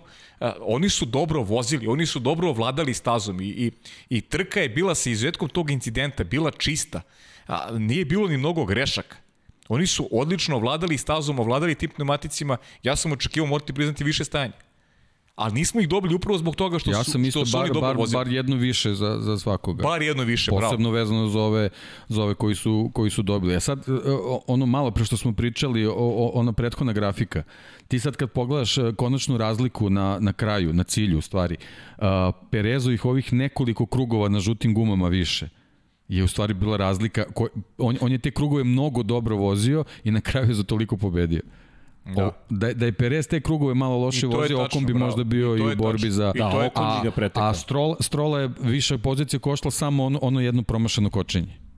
Jeste. Jeste. Bukvalno. Ali o, o tome je pričao. Bukvalno. O tome je pričao Bukvalno, kasnije. Da. da. I zato je bio razočaran. Da, jeste. On, on, ali, on, ali, on, on, on je bio konkurent za prvo mesto da to prvi put. To se te da kažem. Ali to je taj pritisak, to je jeste, to, kako se nosiš njim. Da se vratimo u Moncu. U Monci je on držao poziciju jedan pre restart. Jeste. I izgubio pozicije. I o tome smo pričali. To ti je ovo što si Deki rekao. Kako podnosiš pritisak u momentu kada ti treba da se boriš za pobedu. Ovako. Ali Sergio Perez je zato stasao u čoveka koji kaže me, meni je spomenut ću ga, vratit ćemo se ponovo Pereza, ali on je bio drugi u Turskoj. Mogao je da bude treći prethodnog vikenda, dakle treći u Bahreinu. Pre toga je mogao treći imali ljudi, treći, drugi, treći, prvi. Tako voze svetski šampioni. I bez dve trke zbog covid -a. Wow. To je I, ozbiljna količina bodova. I čovek To, koji to nisu dve trke. Da. Da, Da, da. To nisu to dve su dve čiste, a Da. ko zna koliki je efekat, to je kakav je efekat bio. osjećaj lični, Jeste. kako se Da, on da. osjećao u bolidu, koliko je imao snage da izdrži napor jedne trke. Da. Mislim da se to sve Ali ostalo. znaš da kako se čovek- tačno ostio moment kad je on, kad je on podigao. koji skoro 200 gram prijeva izvezao jednostavno. Čekaj, to čekaj, skoro, čekaj, da. bravo. To je ono, deki. Da. Rekorder. On je rekorder postao. Je. Čovek koji je najduže čekao na pobedu u istoriji šampionata Pa 1. čekao. 191 trka, da. Da, Čekao je čekao, baš je čekao dugo. Da. Da. Ali meni je fascinantno kada pogledaš imena s kojima se on uvrstio u tu grupu. Dakle, kada pogledaš jednog Jensona Batona, Miku Hakinena, to su svetski šampioni koji su dugo čekali da dođu do pobede, ali su postajali prvaci sveta. Jeste. Niko Rosberg takođe ni on nije baš proslavio pobedu tako lako. Prvu pobedu. Da. I onda se Kina beše, Kina beše. prva Tako je, pobeda. sećaš Kako se 2013. ne sećam, da, Kina. Sećaš se tog vikenda da smo pričali u prvom treningu, najbrži je bio Rosberg. Zamisli da pobedi Niko Rosberg, jer to je tada bilo nezamislivo da Mercedes zabeleži pobedu. To je bila Jeste. prva pobeda posle pola veka. Pa i više smo verovali da će to bude Mihael Schumacher koji će pobediti prvi za Mercedesa, Pa- ne, ne Rosberg, bez obzira što je Mihael imao pauzu dužu, ali Da, to ne bi bilo iznenađenje. kao. da, ne bi bilo, bilo bi okej, pobedio Pobedio. Schumacher, pa to je okej. Da. Da, evo, evo ga spisak. Sergio Perez za 190 trka je čekao, da. 130 Mark Weber, Rubens Barrichello 123 trke, Jarno Trulli 119 trka, Jenson Button, svetski šampion, 113, Nico Rosberg, svetski šampion, 111, Giancarlo Fisichella, 110, Mika Hakkinen, 96 trka, Thierry Butzen, 95, i Žana Lezi 91. Žan Lezi na kraju ispodio da i nije mnogo čekao na svoju prvu Ne znam pobedu. koliko, koliko će Đovinaci te čekati. Đovinaci, samo, ako već spominješ digresiju, čovjek je pobedio upečatljivo Kimira i Konena tokom ovog vikenda. I koliko, koliko god da smo Ej, sumnjali. Rekli smo čovjek koji ima statistički najviše preticanja. U Možda bi trebao čem kar na ovale malo izgleda. Da, da mu kratki krugovi dobro idu. Idemo, da, da. da. Pa to je posebno, posebna taktika. To je, Jeste. Ali, da li znate, izvinjam se, za još jedan statistički podatak u kojem je trenutno vodeći i verovatno će ostati još dugo vodeći Sergio Perez. Pa kad tako pitaš. Nemoguće misije, naravno, ali zato sam Da. i tako pitao. Zato što, zato, što, zato što znaš da ne znamo, zato nas pitaš, a? ne, pa nisam ni postavio pitanje, da li znate nešto negde? da, ajde, Pa kaži. možda. Otkrivam, ne znamo. Najviše startova u karijeri bez pol pozicije. Aha. 190 puta E, je da smo, da smo startovao. malo, raz, da smo malo da, razmislili, da, neki, da, da. Bel- bez pol da smo malo pozicije. razmislili, da, nikad A znate ko je na poziciji broj 2? Ko je na poziciji broj 2? Tako je, vozi i danas u Formuli 1 vozi. Evo, hoćemo da ostavimo evo pitanje za gledalce, ali nemojte da googlate, da surfujete. Ko je, da. ko je čovek koji posle Serhija Pereza ima najviše startova u Formuli 1 bez pol pozicije, a trenutno je aktivni vozač u Formuli 1. Trenutni aktivan vozač u Tako Formuli je. 1. Tako je. Od 20 vozača koje smo gledali u 2020. godini. A, a nema, ne, ne, ne, niko nije sigurno. Nije niko rezervni vozač. Ima. Niko nije sigurno, Ima- on ima, ima po poziciju godišnji Williams. Ne, sad, ugovor. da, sad teško je napamet. Ima godišnji da. ugovor. Pa evo, protrčite kroz, ti- kroz timove. Mercedes imamo koga? Pa dobro, bojica su pol pozicije. Ok, pol da. pozicije Ferrari, pol pozicije Red Bullovci, imamo Albon, ali nema mnogo trka, imamo Nema Maxa koji ima onu da. jednu čuvenu, imamo Renault, Ne, gledam, da, gledam, znači tu je Ricardo, Ricardo, koji ima kao dosta tako, trka. oko nema mnogo Da. trka, Dobro. Ko tu još ima? Kvyat, Da. Gasly. mislim da se nikad nećete setiti, a bio je zvezda na pogrešan način prethodnog vikenda. Prethodnog vikenda je bio E, zvezdan. sve sam pomogao. Roman Grožan. Roman Grožan. da, on je- Grožan, da, on je dugo tu, da, da, 79 da. Da, trka bravo, bez bravo, Da, pozicije. da, Bravo. da, da. Inače, on je jedini aktivni u Serhija Pereza koji ima tako mnogo. Gledam, gledam Da, sad pa ovu da, da, postavu da, i da, da. Roman Grožan. Roman da. Grožan. Da, njega smo, baš, izvinjavam se, zaboravio sam čoveka, skroz nije, nije bio u postavi sad. Pazi, da. znaš ko ima pobedu, a nema pol pozicije i na tom je spisku, Johnny Herbert. Da. Inače, Martin Bradley i Johnny Herbert su bili rekorderi do pre par godina. Pomislio sam na Kubicu prvo, ali Kubica ima i pol poziciju. ima pol pozicije. Herbert je Silverstone, je li tako beše? A, 95. da, mislim da je čini mi se, 95. da, osvojio. U svakom slučaju Da. prva pobeda za njega Da, da, da. Ali eto čisto da, da, da, da, da znate, ne, nisam ni ja znao, nego kada sam gledao šta je sve Perez postigao, nije postigao, najviše trka bez pol pozicije trenutno ima u istoriji. E, e, ima još jednu trku sigurno u karijeri. Mislim da mu treba pol pozicija u Abu Dhabiju. Kome? Serhiju. Serhiju, aha. pa čisto da imamo i taj ne, moment. Ne, Grožana, pošto Grožana nećemo Neće gledati, to, to smo rekli u prenosu, ali znamo da, da. se vrati u Francusku, le, leči pre svega pre svega levu, tu levu šaku, levu ruku i nećemo gledati Grožana i sad ima ta priča, ali ajde kasnije ćemo to da pričamo. Pa dobro, ja kad pričamo Grožana, spomenemo, spomenemo, spomenemo Pietra Fittipaldija. Pietra Fittipaldija koji da, da debi to Pietro i čekamo Čisto narednog vikenda. Debi, da. Mick Schumacher će voziti trening broj 1 sigurno. E sad šta će raditi Haas, da li će Mick Schumacher dobiti priliku da vozi trku, ne znam. Pa kažu da neće, kažu da će Pietro da, Fittipaldi. Da će Pietro voziti tu drugu trku, da. da. Ali Pietro se je oglasio. Dobro, ja mislim da tu, sad je to već druga priča, kod Hasa verovatno neki finansijski moment igra.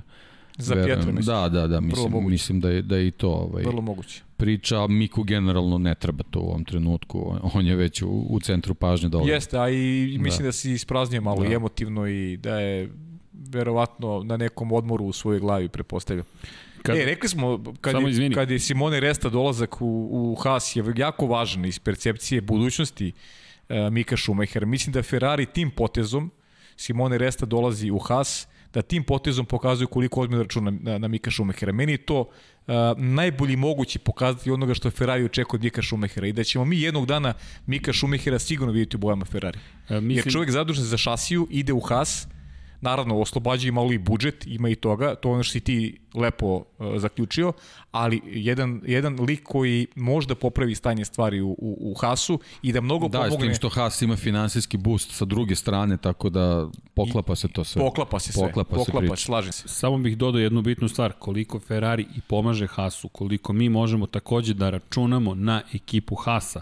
To je takođe važno, jer Jeste. nedostaje brz Haas. Haas. U Haasu nedostaje snaga Ferrarijog motora u ovom trenutku. Znači, niko njih ne očekuje najviše, da je. bude u prvih pet, nego jednostavno da, da se primaknu malo da, sredini. Ni aerodinamika nije. Tako, je, ali, ali motor je generalno, motor je na, vidimo, da, najveći kad, kad tebi inicijalni tim je tako loš sa, ali sa, sa motorima. Na početku svoje, svoje kratke istorije bili među vodećima. Tako da Haas nije tim koji je nestao, ali morali vrlo pa, nizak. Pa očigledno, kad je Ferrari dobar, dobar i Haas. Dobar i Haas, to je, to je to što kažete, nije imao ni koga da preuzme neke pa. stvari. A, ali Ferrari želi da bude Haas dobar.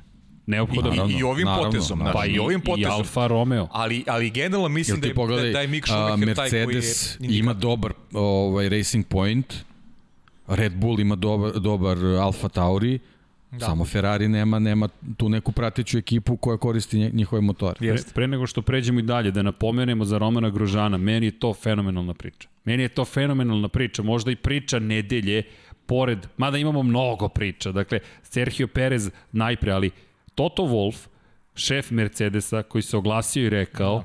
mi ćemo dati Romanu Grožanu da uđe u bolid na testu mladih vozača u Abu Dhabiju, ukoliko to ostali timovi dozvole jer je to način na koji treba da se oprosti od Formula 1.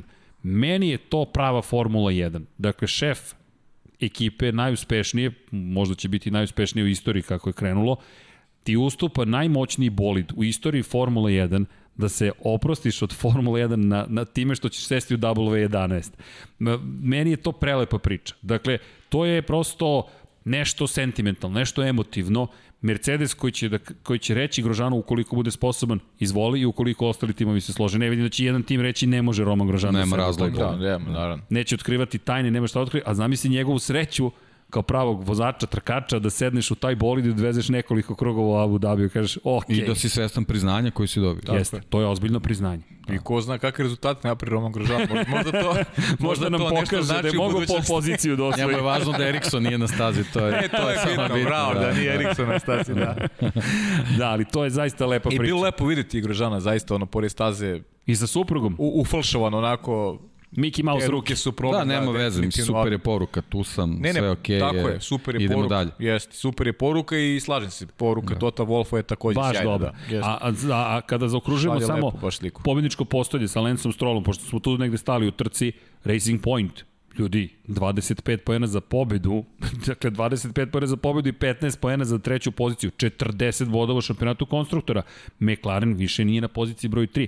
Racing Point 194 poena, 184 McLaren i za Serhija Pereza u šampionatu vozača, 125 bodova, 13 više od Daniela Ricarda, kog ću sada spomenuti, malo ću da preskočim Carlosa Sainca koji nas je već razmazio četvrta pozicija za spektakulu Carlosa Sainca, vratit ćemo se na njega, samo pošto imamo i jedan Renault na pobjedičkom postoju, Ricardo koji je rekao da je da ovo nije smelo da se desi. Rekao je ne možete da dozvolite da vozač koji je imao incident u prvom krugu pobedi.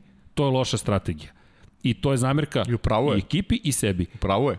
Ne možeš to da dozvoliš, a dozvolio si. Upravo je. Kažem, ajde, ali opet to je pokazatelj koliko je Racing Point kao ekipa moćna i koliko je Sergio Perez isto tako moćan kao vozač. Vezano za, Ja- za, ja za više- kvalitete vozača, videli smo grafikone Tako je. sa, Ja, sa ja, ja više, ja više volim, više volim da akcentujem ono što je napravio Sergio Perez. Iako je generalno Daniel Ricardo u pravu kada, kada kritikuje tim na taj način. Pa mislim da obojica imate fokus upravo na tome. Samo šta na je tome. Perez učinio, Samo a na ne tome. šta nije učinio Ajmo, Renault. ajmo da postavimo drugačije stvari. Da li bi neko drugi to napravio uh, na mestu Sergio Perez? Hm, Pa i to, i, ali i ovo vezano, vezano za Ricarda, da ponovim, onih par krugova koje je Perez napravio, da, da je Okon mogao da parira, borio bi se za pobedu. Tako je. Znači, Renault nije imao nikakvu lošu, on imao je Jeste. najbolju strategiju od ostalih. Mo, možda, možda Ricardo da je bio na poziciji Pa. Okona, možda bi odmogao. Ali Mo, prosto, pa dobro, da, ali znaš, to je onda malo i pitanje. do vozača, znači nije, Jeste, nije samo jeste. do ekipe. Kako nije do vozača? Nije samo do Kako ekipe. nije do vozača? Tako da ovo, ja sam već, već sam ovaj, uh, malo mu zamerio zbog onih izjava vezano za one snimke za, za ovaj, Grožana. Tako Dobio da sad drugi ponu- minus. Da, dobio drugi minus za, za te izjave. Sve znači, okej. diskvalifikujemo Tako je, Ricardo ali, iz Lab ali znaš 76. kako, na, posebno na ovakvim trkama gde, gde su ove, ove kratke stazi, gde, gde, gde se mno- mnogo stvari dešava, komunikacija sa vozačem je jako bitna. To ćemo recimo imati sa Fernandom Alonsom. Znači on je čovek, uh, njegova ekipa posle, posle trke ide na terapiju. Znači on je čovek koji, koji 100% vremena na stazi on komunicira sa svima. Milion informacije traži, milion informacije vraća. Znači, to je nešto što mora da postoji ako hoćeš da promeniš u trenutku neku strategiju Jasno, koju si jasno. već zacrtao. Tako da nije samo do, do ekipe po meni. Kako? Ma naravno, slažem se. Ne, ne, ne, nije... nije Slažem se. Pa, pa, pa, jesmo rekli da ste tim. Ako ste tim, onda ste tim, pa ste tim. Okon je, Okon je pokazao da je tim ok funkcionisao. Kako ne? Pa ne, ali kažem, Okon je i u tom strateškom smislu u startu smo videli da može da bude sve kako treba. kad je Siri da, u ali pitanju. Tebul je srećan što se nije ovaj, kladio za, za svaki podijum za tetovažu. Bio bi, bio, bi bi, išaran u tri balima bi bio Bio sam. bi išaran sad.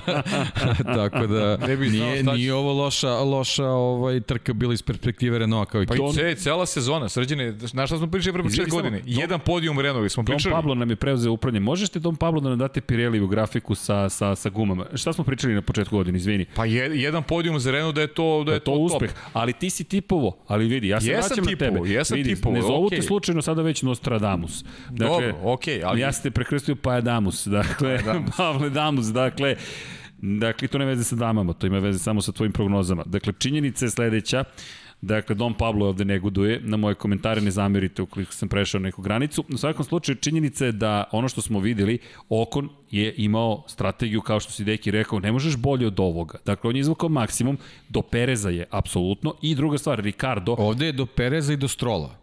I do Ako- mogu da, da ubacim. Znači, bravo. Stroll je maestralno Jeste. iskoristio svoje meke, Perez je ono što mu je bilo dato u tom trenutku uradio što je trebao da uradi, a ovih bonus šest krugova u odnosu na Okona, to je njego, njegovo majstorstvo. Njegovo majstorstvo, Njegovo tako je. majstorstvo. A, a pritom, pritom, izvini deki, Okon se nije toliko borio za preticanja.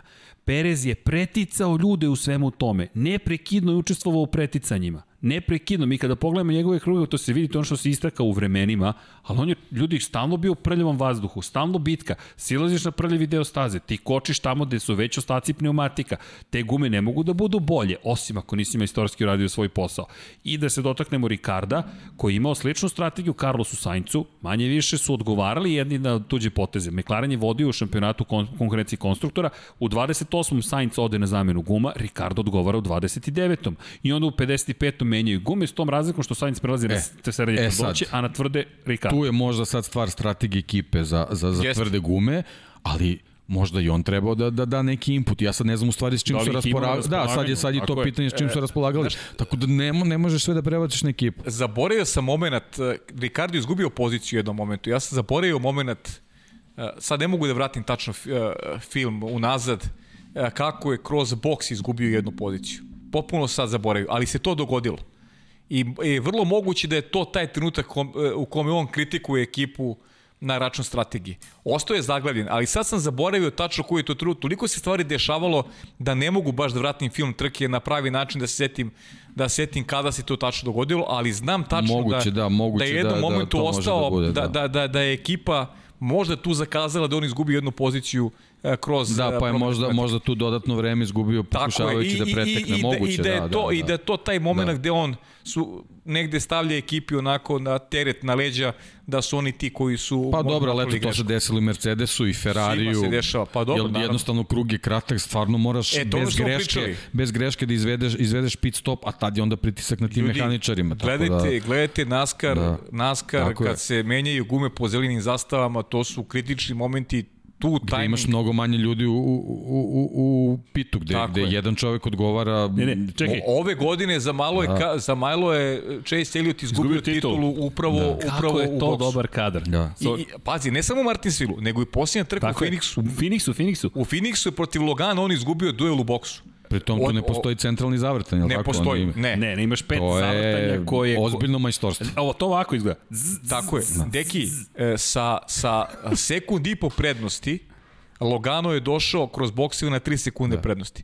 Ali je Chase imao toliko, Mene toliko mene dobar automobil kažem, da je na kraju uspeo da ga stigne Mene ova trka podsjetila na te američke trke Definitivno, iz tog razloga vezanih za, za, za Jeste. pitove. Izvini, pošto 2015. smo preno, mi prenosimo, Paja prenosi zapravo poslije 3 godine, 4 skoro dobro, sam. prenosiš ti, ajde. Ali povremeno se, hvala ti, ali po, A, dođem za ne. Daytonu i povremeno dođem za, za Martinsville. dođeš, dobro, pratiš, ti to znaš, tako da Pratim, nema. da, ali, ali to je ljubav, ali tu smo naučili to trkanje i koliko poštujemo NASCAR. Obožavam one vozače. Ono je potpuno genijalno. Njih nije mogao Juan Pablo Montoya da pobedi na krugu, na ovalu.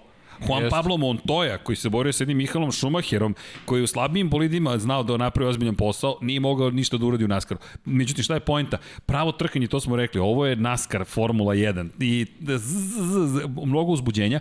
Međutim, šta se desilo sa Chaseom Elliotom? Njegov mehaničar, imate kockice, dakle imate zone praktično koje ulazite. Ne smete kada, dok ne uđe automobil u zonu, da iskočite sa preko Tako je.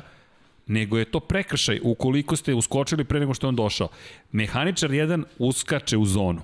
Približava se Chase Elliot. Mehaničar se vraća nazad. Mora da se vrati nazad zato što mora da se resetuje. I on dolazi na zid, mora da pipne zid da bi se resetovao. To je ono staro, tradicionalno, to je. To je bukvalno. To je neka druga priča, Pi- ovo, ali- ovo je visoka tehnologija i u tom smislu. Jeste. Ali ono je prljavo, Ali ovde, ovde kad smo. vidi se kad se u Čekić. visokoj tehnologiji desi greška, onda je karambol potpuno. Jeste. Ali ono- samo izvini, izvini, za chat da, da, ovaj, da ne propustimo, Kvjat je bio taj koji je ovaj, uh, Ricarda pretekao Kvjat. Da, Eto, da, da. Eto, okay. Hvala svima ove što hvala su svima. napisali, da. Hvala svima. Marko da. Hvala, Stojadinović, da. Poruka Bravo, Srki, hvala, pogledaj malo Aca chat. Novković, Hoću da. ognjene samo da sve stignemo uzbudljivo i mi ovo volimo. E da, inače, e, zašto ćemo se potruti malo da, da, da, da ograničimo? D- d- Četiri sata mi volimo, ali 2 pa 15 smo procenili da bi bilo sasvim u redu, ali da. p- problem uslovče, nije to problem. Činjenica da mi ovo toliko volimo jeste to ta, nešto što nas dođe toga mi smo mogli da sedimo 8 sati.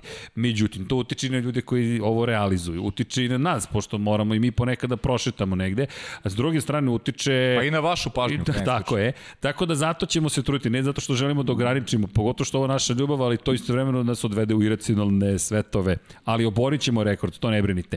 No, Hoćemo. Kad, kad, Hoćemo, kad, ali naćemo moment. Naćemo moment, pričali smo o tome, ali Chase Elliot, to je, to je mnogo bitno. Svest mehaničara da se on vrati, resetuje i nastave. E sad, to, to je taj je timski rad. Timski rad. Koga bih pohvalio? I, I to mi je četvrta pozicija. Čitam od velike nagrade Eiffela do danas.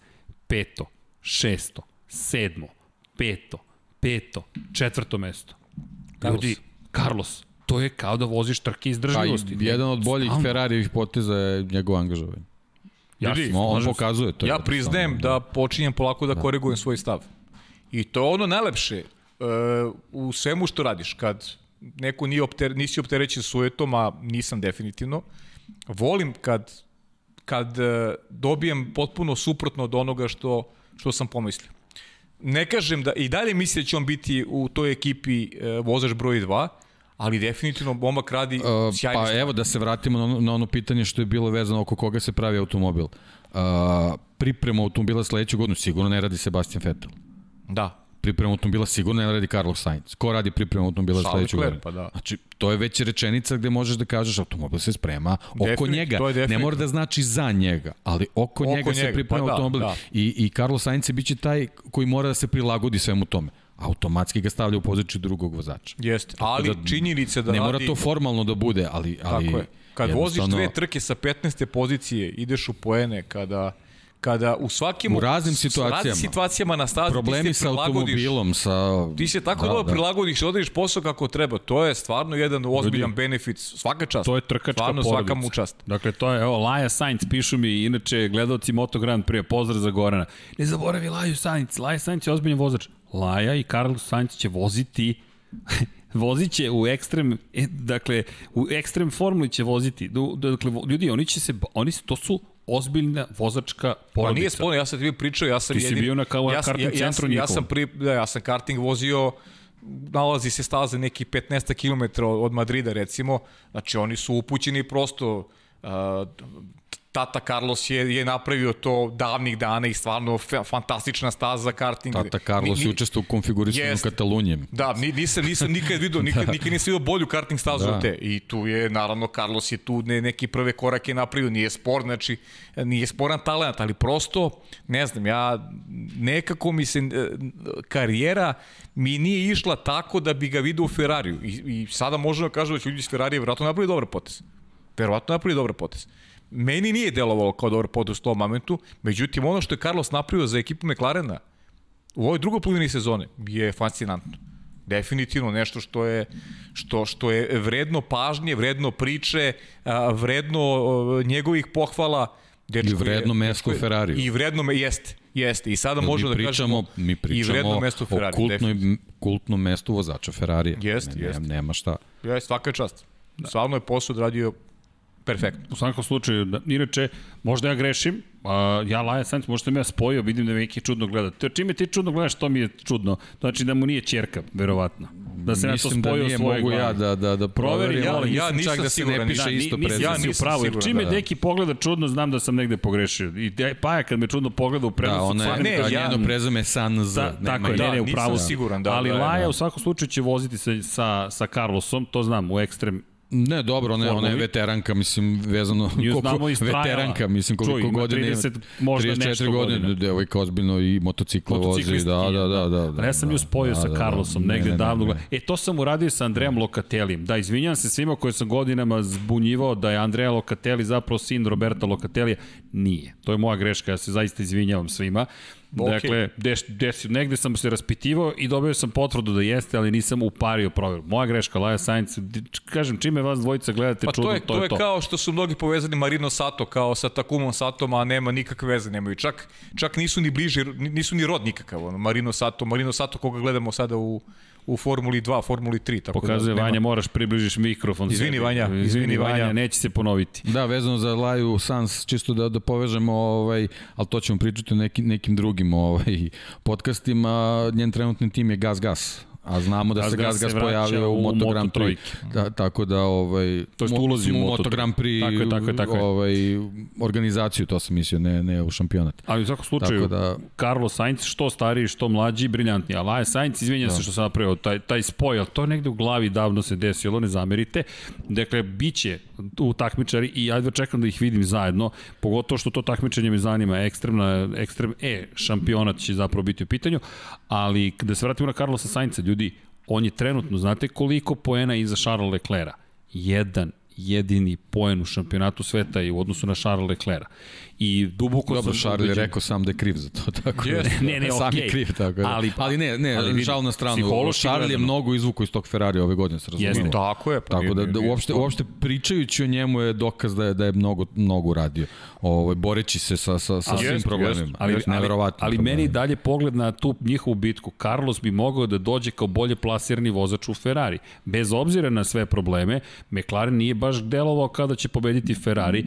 Mi sad imamo Carlosa Pa ali- koji bi mogao ispred da završi sezonu. Re- Realno McLaren jeste Jeste bolji. stabilnija, Pa to bolja se vidi u ekipa ove šampionatu konstruktora. Da, ali, i, i, ali to što kaže Deki, samim tim je, mislim da taj rezultat uh, Charles Leclerc više dobija na značaju e, Što, je, u, što u, sve, u borbi. sve ove greške. Znaš, Pazi, u sve ove Charles u greške. Ferrariju koji nemoćan je šesti u šampionatu Ne zaboravi kvalifikacije sada. E, to nismo spomenuli.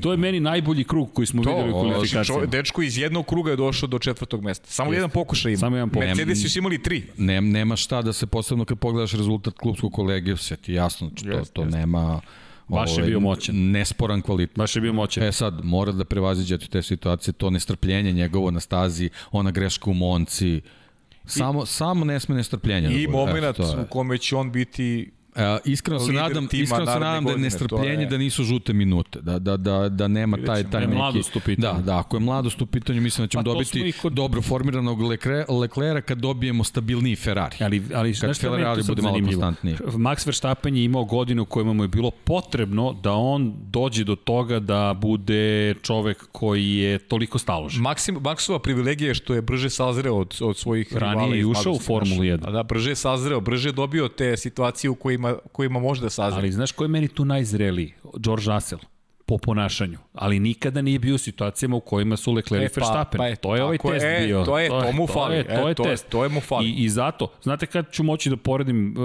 Russella i, i, i, i Luisa Hamiltona? Kad bude 7 godina vozio u moćnom bolidu Jeste. i onda možemo Ne, ne, pravimo pa dobro, poređenje. ne. A dobro, tada- sećaš se on izjave, izjave Landa Norisa.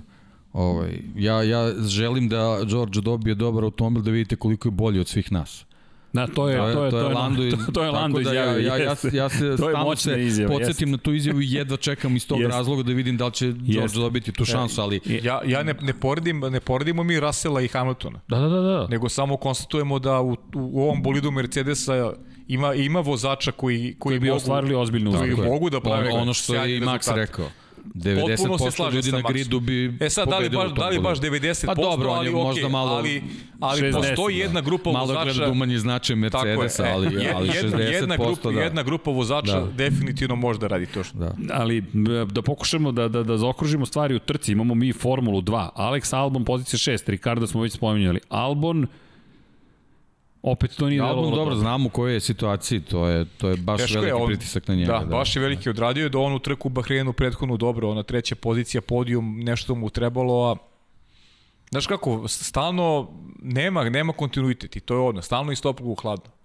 Stalno ne, nedorečen, stalno je nekom za ostatku. Najgore, najgore kad se takve stvari dešavaju, a vidi se da automobil ima tempo. Na. Jest. To je to je taj problem. I onda su Jest. propasti sa jednom situacijom. Treće Sve, mesto, sve. izvinimo, je skoro pa poništeno. On je uspeo da se izjednači sa Saincom trećom pozicijom. Sainz mu je sada ponovo pobegao za 4 poena u šampionatu sveta, a Albon je osmi.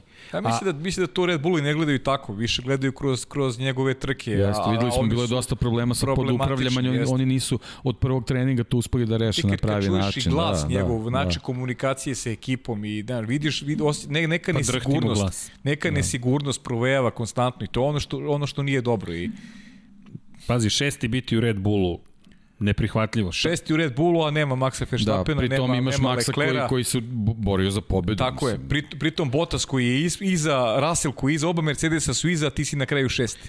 Pa, ajmo da se vratimo prošle godine na, na trke koje je imao čovek koji je otpušten, Pierre Gasly. Dakle, Pierre Gasly koji je dobio otkaz na polovini godine, 11. 8. 6. pa nije završio trku, 6. 5. 8. 10. 7. 4. 14. ta čuvena trka u Nemačkoj i 6. bio u Mađarskoj kada je dobio otkaz.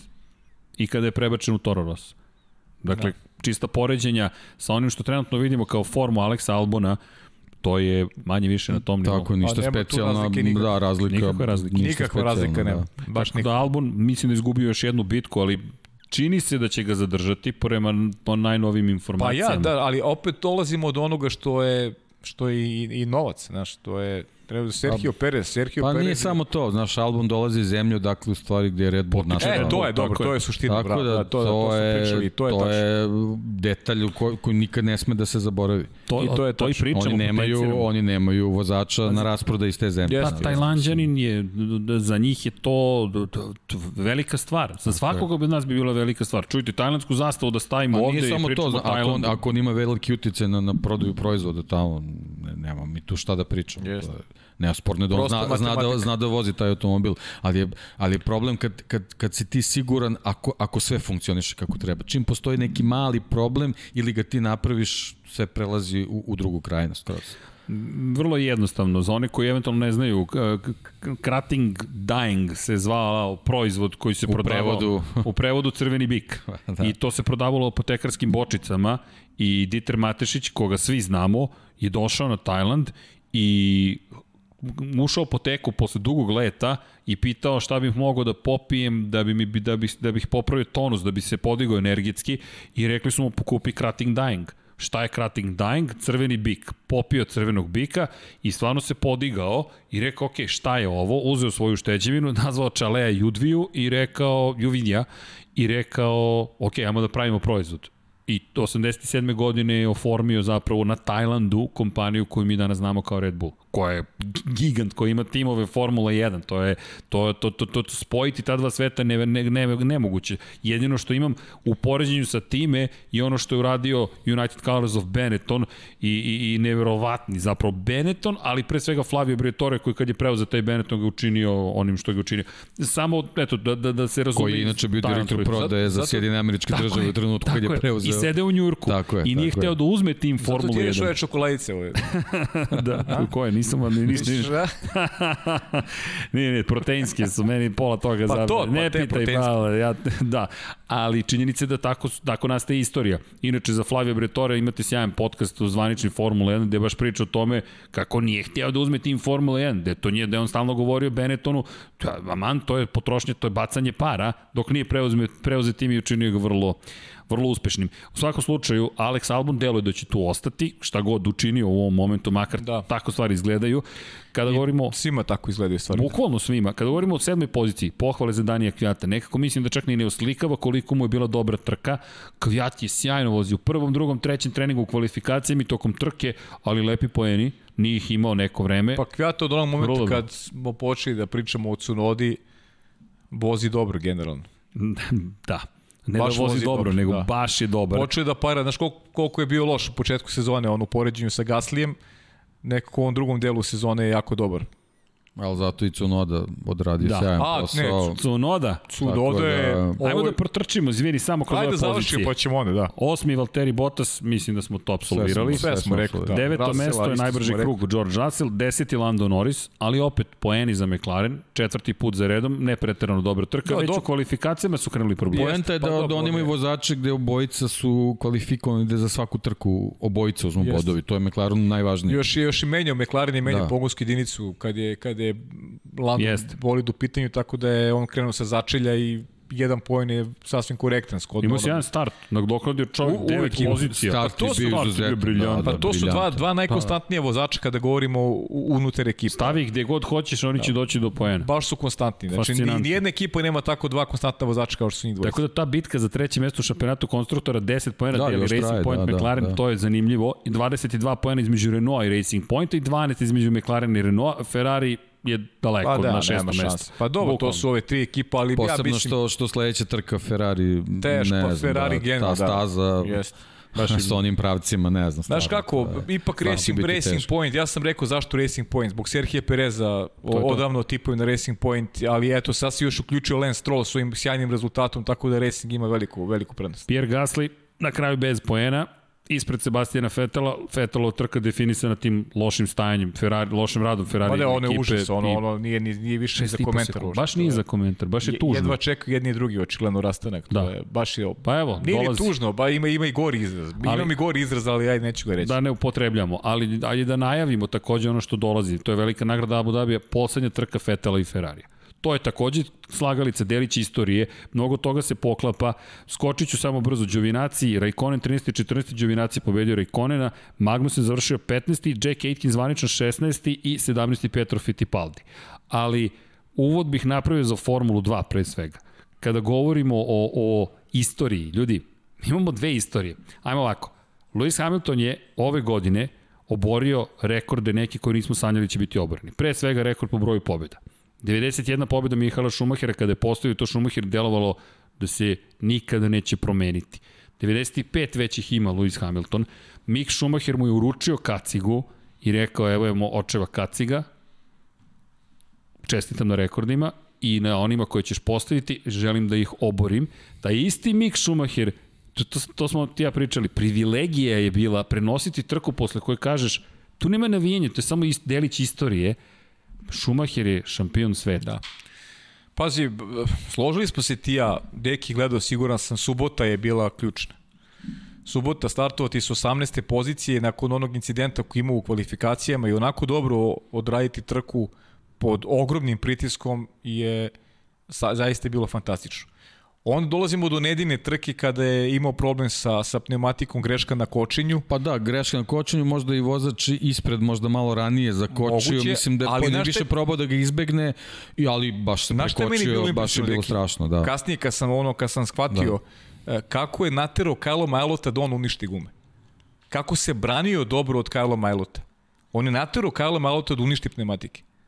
On je, on je, e, Pri tom sa, u snimcima s njegovog bolida se videlo koliko je vibracijom. Znači, Jest. njemu se automobil raspadao bukvalno. i, Da. i, i, onako, da, da, i, onako je, da. i onako je staza definitivno, Jest, staza je bila malo onako, da kažem, Problematična. džombasta, da, ajde, tako Jeste, da se izrazim, da, da. džombasta, ali se sjajno mig branio. I nije imao kud, morao je nakon Morao, morao, da ode da, da, da, da, menja da, pneumatike, da. ali smo vrlo brzo videli da, da Ailot ne može da prati vodeći grupu, da su njegovi pneumatici tako, takođe uništeni. Mi smo negde, nakon polovine trke, srđene e, na osnovu tempa shvatili da, je, da, da Ailot ne može. Da je to to. Pa, ono što smo videli, kvalifikacije su bile specifične. Schwartzman, dakle, Schwartzman i Schumacher koji voze za premu, sede u garažama i čekaju. Počelo Da. je, počele su kvalifikacije. Svi su izašli osim Schumachera i Schwartzmana. I sad očekivanje je bilo da kada završe svi svoje brze krugove, na praznu stazu izađu Schumacher i Schwartzman. To se i desilo. Međutim, problemi. Nisu vozili dovoljno brzo. Schwartzman je bio dobar, među vodećih 10, Schumacher ne. Schumacher veoma loš. Videlo se, delovalo je kao da počinje trema. Međutim, imaju drugi izlazak na stazu, ali sada je gužva. Sada je već saobraćena gužva i niko ne želi da rizikuje da čeka baš poslednji minut. Schumacher izlazi, neoprezan potez, prerano se vraća na trkačku putanju, Rojni Sani naleće na Schumachera, kraj kvalifikacija. Startuje 18. Čisto da, da, da se zna kako je došlo do te 18. pozicije. Jeste. I Schumacher koji briljantno ponovo startuje, ponovo briljantan start, nadoknađuje ogroman broj pozicija i za mene to je im Nikita Mazepin o kome ćemo isto pričati ko je, ko je kriminalno kasnije branio svoju poziciju, ali fantastičan manevar u krivinama 6 i 7.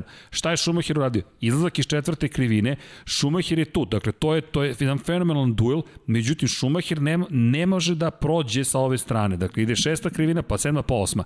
Schumacher koji ranije pušta gas, dozvoljava da Ailot ode na desnu stranu. Schumacher prolazi ovde i ono što isto Russell uradio Bottasu, prati ga kroz šestu krivinu, gde je ulaz u levo, ti više nemaš kako da se odbraniš. Ti imaš prednost. Šah je vozio. To je ono što je meni bilo fenomenalno. Sedma, osma, ti si već završio posao. Ja sam se oduševio i to su kasnije izdvojili, ti i ja smo bili potpuno Jeste. fascinirani, izdvojili u Formuli 2 i tweetovali taj manevar Mika Schumachera. Ne radi se samo o očevom sinu, ne radi se samo o čoveku ne, ma koji je jok, ma seo. jok. Ljudi, da, moraš da imaš podršku, moraš da imaš novac, moraš da imaš sve da bi uspeo, ali moraš da imaš i trkački talent. Moraš da imaš i taj trkački gen u sebi, ne mogu kad ne, Pa ne, ne svodim ga na pobedi- genetiku. Treba pobediš na stazi rivale. A pritom ovo je najbolja godina u istoriji Formule 2. Kakvi ili, rivali? Ili Grand Prix 2, kako se ranije zvala, nebitno. Ja, nikad bolja godina. Toliko talentovnih vozača. Toliko vozača koji ove godine e, neki možda čak nisu imali ni pobedu, a, a, a pričali smo o njima. Evo Daruvala sad je došlo do prvog Čehan triumfa. Daruvala, pazi, smo, za, aj, ajmo i to da dva- spomenemo. 12 pobeda, nikada se nije dogodilo u Formuli 2, imamo 12 različitih pobednika. 16 različitih vozača na podijum ove godine, to se nikad nije dogodilo u Formuli 2. I ja mnogo verujem neke momke koji nisu dobili šansu, poput Kristijana Lundgarda recimo, koji je daleko trenutno od Formule 1, a, a meni se momak strašno dopada kako vozi. Žou koji vozi sjajno završnicu sezone, Renault projekat koji sigurno ima neku budućnost. Mnogo, mnogo dobrih vozača. Ja, ja sam da, uživao. ove jednostavno nema mesta za sve. Nema mesta. To je- neće ni biti je- mesta pa ne, za sve, ali... Svake godine je tako jednostavno. Da, ali, ali ova godina Da. je stvarno bila Jel, impresivna. znaš, ti moraš da se boriš protiv Mazepina koji Ima- može, može da kupi Sve. Formulu 1, Jest. a ne, Jest. a ne jedan tim. Znaš, to, je, to je veliki A pritom problem je za dobar. Nikita vozač. Jel, evo, to smo spomenjali pre podcasta, najavljeno već, znači Giuliano Lezi neće više voziti, Jest. Pedro Piquet neće više voziti, to su potomci slavnih roditelja, svetskih šampiona, biznismena ko, Čak koji imaju velike kompanije, multimilijoneri su, pa ne samo što imaju, nego ne žele da ulažu ili, ili borba je sa vetrenjačama. Jeste, jeste. Ne možeš je da sa pa Znači, kažem, Pedro, čak Pedro Piquet mogu da je u nekim svojim izjavama rekao i direkt, direktno je rekao, zbog Mazepina, Kalu Malot nije ušao u Formulu 1. Da. On je rekao, je. Kalu Malot ne može da se bori. A pazi, a, Pe, a Pedro Piquet, nešto interesantno, što, što je, pratili smo celu godinu, on je tek sad u završnici po, pokazao da ima talent. On je sad opet Da. ove trke u Bahreinu vozio Pa sjajno. izvini, a Lezi se tek na kraju a u pojavio. Bahreinu mu je, na, otkazu mu je, automobil mu je otkazao posljednje, ono iz na sprint drugoj, trci da, prošle na drugoj nedelje. poziciji, da. Da, bi- bio, da, i- imao je podijum u džepu. Ali ljudi, i, i samo bih se dotakao, a, pričamo evo, meksička zastava je tu, indijska zastava, Racing Point, koji je nastao iz Force Indije, pre toga Spikera, to je Midlanda i Spikera i Eddie, to je Jordan Grand Prix. Džehan Daruvala je 2011. bio u programu koji je organizovala Force India, Da, koji da, se zvao smo, da. 1 u milijardu. Jeste, Milijardu jeste. stanovnika i više ima Indija, međutim malo vozača Formule 1. I Vijay Malija i Force India su rekli, Force India je i nazvana da se pokaže snaga Indije. Napravili su taj program i Džehan Daruval je direktni izdanak tog projekta. U tom momentu on je imao 13 godina i on sada beleži pobedu na posljednjoj To je trci sezone. interesantno, pobeđuje Daruvala, a, Tako a je. Sergio A Perez Sergio, dan kasnije. To hoću da ti kažem. Da. A Sergio Perez, istog dana. I deo, istog dana. Tako, istog dana, Da, u stvari, da. da, istog dana, bravo, istog I, I dana. šta ti je Force India? To su dve pobede Force Indijinih pro, projekata. Meni je to fenomenalno. I Jeste. fenomenalno je bilo nekako to u, usled, u senci Mika Šumahira ostalo. Ali to je pobeda za Indiju. Ljudi, to je velika, velika, velika stvar. Čak ni Džehan Daruvala, pitanje da li će, to su Karlinovi vozači i oni Juki Tsunoda. O Daruvali se ni ne priča i pohvale za Karlin, dvostruka pobeda. Dobro, Yuki Karlin je Tsunoda. ozbiljna ekipa. Tako je, Jeste, da, preozbiljna je ekipa. bio. Karlin je McLaren nižih kategorija. Bukvalno. To Jeste. ne- nema šta se priča. To je... Ali pritom, pol pozicija za Jukija Tsunodu. Znaš kada je dobro, ha- high-tech je nova ekipa i pokazala Da, se... od ovih starijih tu je, mislim, videlo dobro. se prema je Dam si ove godine Prema je tu, da. slabiji, Dam si slabiji ove Jeste. godine. Pa dobro, mislim, cela godina je takva, nezgodno je između oslog te neke vozače gubimo zato što je ove godine potrošao mnogo novca, Pa dobro, i- a jednostavno situacija je takva. Gelali je vozio da, loše, imao je jeste. povrdu i Juri Vips se pojavio, mislim da Juri Vips vozio mnogo bolje. Juri Vips ćemo gledati naredne godine u Formuli 2, što je super, on je, on je baš kvalitetan. Projekat eh, Red Bulla, Estonac, odličan vozač, tako da vraća se na moju sreću, zato što stvarno njega baš pošten. Galeali je bar, jako loše vozio ove godine. Jeste, jeste. I to je možda razlog što je Dams nešto lošiji u tekući sezoni. Tu je i Roy Nisani koji su dolaze s velikim paketom novca po meni, Da, da. Ne, samo pa- troši A par. da, da, tako je. Bukvalno se. tako izgleda. Mislim, da zna, znate kakvi su komentari bili kad je testirao Williams. I, ali- Jednostavno nije mu mesto tu, ali okej. Ali kada To su pravila. Ali kada pričamo o, o nekoliko stvari. Prvo, ajmo Joki Tsunodu. Joki Tsunoda pobeda i treće Ajde. mesto. Ljudi, pol Ne, pozicija. dobro, on je, on je uradio ono to što, što je znao da mora da uradi, da, jednostavno, to je to. Pa to je to, To kad uradiš po, Pod pritiskom. pod pritiskom kad si najbolji, to je pokazatelj da, da, da vrediš. I onako, Treće mesto u šampionatu vozača, trebalo mu da bude četiri. Tako što mu je bilo bitno. To mu je bilo bitno za super licencu i odradio je fantastičan posao. Malo mu je nedostalo da on bude u igri do poslednje trke za titulu. Jeste. Pa, Tako pa da, pazi, u krajnjem slučaju, Da. da. on je na kraju samo poen iza Kajla Majlota. Da, On da, je da. treći za jedan poen. Da. I- 201, 200 je na kraju. I, a, a pazi još jednu stvar, još jedna bitna stvar. Makar po mom mišljenju imamo, imamo te neke, hajde neverovatne da kažemo, da kažemo veze i opet se vraćamo uh, Racing Pointi, Force Indije, Sergio Perez, Japan, Kamui Kobayashi. Kamui Kobayashi, Sergio Perez 2012. godine jedini, to jest obojica na pobjedničkom postolju. Treća pozicija Kamui Kobayashi na velikoj nagradi Japana za Zauber, kao klubski kolega Serhija Pereza. Koji je u tom trenutku bio u Ferrari akademiji još Tako je. Znači, Tako taj, to je. je jako bitan detalj, jer ja mislim da je tok Perezove karijere vodio ka Ferrariju. Da. Zbog Rodrigueza, zbog čitave te istorije, zbog Carlosa Slima koji ga je podržavao u čitavoj priči Telmexova, generalno priča je, Grupacija cela. tako je vodila ka, ka tome da se Sergio Perez nađe u Ferrariju, eto nažalost, ovaj, mislim da je ona jedna godina s McLarenom, Bila m, kri- to je, da, katastrofa. to je malo neki, neki negativni publicitet dobio zbog onih duela sa Raikkonenom, svašta se tu nešto Pa i dešavalo. pričalo se da je kao klubski kolega loš. Jeste, ali sad se vidi da jednostavno to, to je neka priča koja je dolazila sa, Pa sa ljudi, ko zna koje šta, strane. mislim- Mislim, pokazuje stvarno da je kvalitetan kao, e, on je te 2012. godine, to ne znam koliko se zna, znači on je osnovao fondaciju o kojoj vodi, ovaj, e, mislim da njegova sestra vodi čitavu priču, a to je fondacija koja pomaže siromašnoj deci oboleloj od raka. on je čovjek koji, koji se angažovao na, na, na razne jako važne stvari i ozbiljne, i ozbiljne priče koje vodi, tako da to malo mi ne pije vodu, da, da je to tako, ali nekako stekao je tu reputaciju i ta karijera je otišla u nekom smeru, nažalost, ne, mislim, baš je onako teško bilo da dođe do ovoga Neke stvari sad. mora pripišemo mladosti, to je Jest, sad stvar jest. nekog Mislim, menadžmenta, na kraju krajeva, velikog projekta. opet dolazim u priču, on nema, nema mesto za sledeću godinu. Tako je, a Mislim, dolazimo to do tog je- nekog momenta kad prepoznaš da. talent neki, da ti treba da ga oblikuješ, da oblikuješ nekog kao ličnost, da mu daš podršku, kao što je sve, svoje vreme Erik Bulije dao podršku Romanu Grožanu na momentu Jest. kada je bilo teško. Jest. Roman Grožan je napravio nešto su, što mu mnogi nisu prostili, pogotovo što je u pitanju bio vozač Ferrari. Dobro, s tim onda što, dodatno znaš kako, što se stvari- tiče Romana Grožana, tu postoji jedna priča koja je vezana, a, a sigurno ima, ima uticaja, a, njegova porodica je povezana s upravnim odborom kompanije Total. Upravnim odborom Okej. kompanije Total, znaš, tako da Ok, ali, ima tu ali- svega, ali, ali, je jako ovaj, važno, ali jako jeste. važno mladom čoveku dati podršku. Naravno, I- kako da ne, I, jer i, to je- Sergio Perez neko ko ima, ima, gradi neko imao leđa. samopouzdanje, tako Imao je, leđa, gradi tako je. samopouzdanje kad on dobiješ... i dalje ima leđe. Ima, pa to ti Na kažem. Formuli 1 je da iskoristi njegovu, njegovu, njegovu vezu i dobru volju Carlosa ali, Slima. ali je sada mnogo, Ali- ali... sada je zreli i Da. neke, neke greške ili što je pravio u mladosti, neke situacije koje su mu obeležile Jeste. karijeru, to je sada iza njega. Jeste, ali ka- mlad čovek, ako nema podršku pravu, ako nema ko da ga uputi, ako nema, ako nema ko da ga savetuje, da stane iza njega, uvek može, može i najveći talent može da propadne. I najveći talent se ugasi. Naravno. Ako nema pravu Naravno. podršku, ako nema nekog uh, ko će da mu, da mu skrene pažnju na, na, na, na, na momente koji, koji mogu da mu ugroze karijeru. E, to je činjenica da Sergio Perez u, u nekom trenutku, pričali smo to i kroz prenose, da je, da je bio viđen. Seti se onih, onih pobeda, one pobede Fernanda Alonsa, Srđene, sećaš se pobede Fernanda Alonsa kada je Sergio Perez kočio da, da, da ne pobedi u trci kad, kada su govorili o tome da, da, da je Perez viđen za, za, za vozača Ferrari.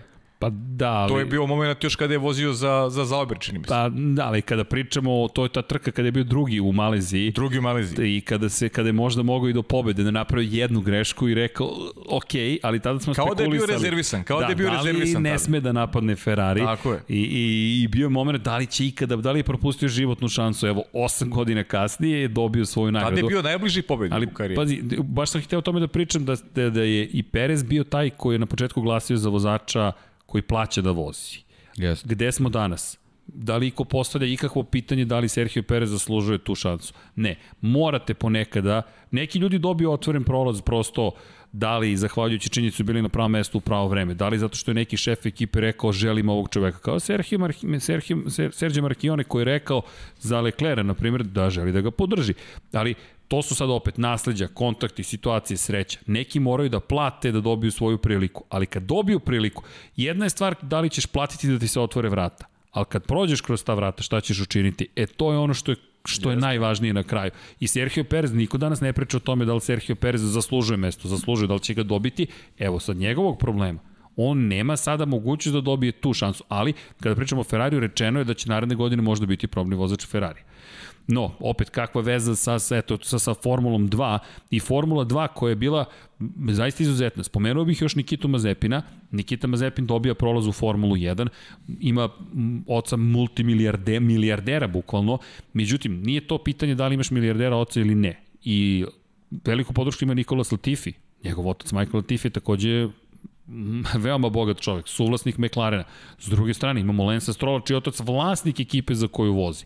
Ono što je pitanje je šta radiš na stazi. Mazepin je kontradiktorna ličnost. S jedne strane je izuzetno brz. Kada gledaš njegove krugove i kako zna da vozi, fenomenalno. S druge strane, način na koji postupa je preagresivan, gotovo sileđijski. Dakle, način na koji Nije pokuša... gotovo, pa... Ono jeste sileđijski. Kalu Majlot je imao masnicu na Tako je, oku i dobio je- otečenu usnu od, od, od njega. Ta, to je neprihvatljivo Nije- ponašanje. Nije to Ne kao. možeš tako, tako je. Da. To je sileđijski stav.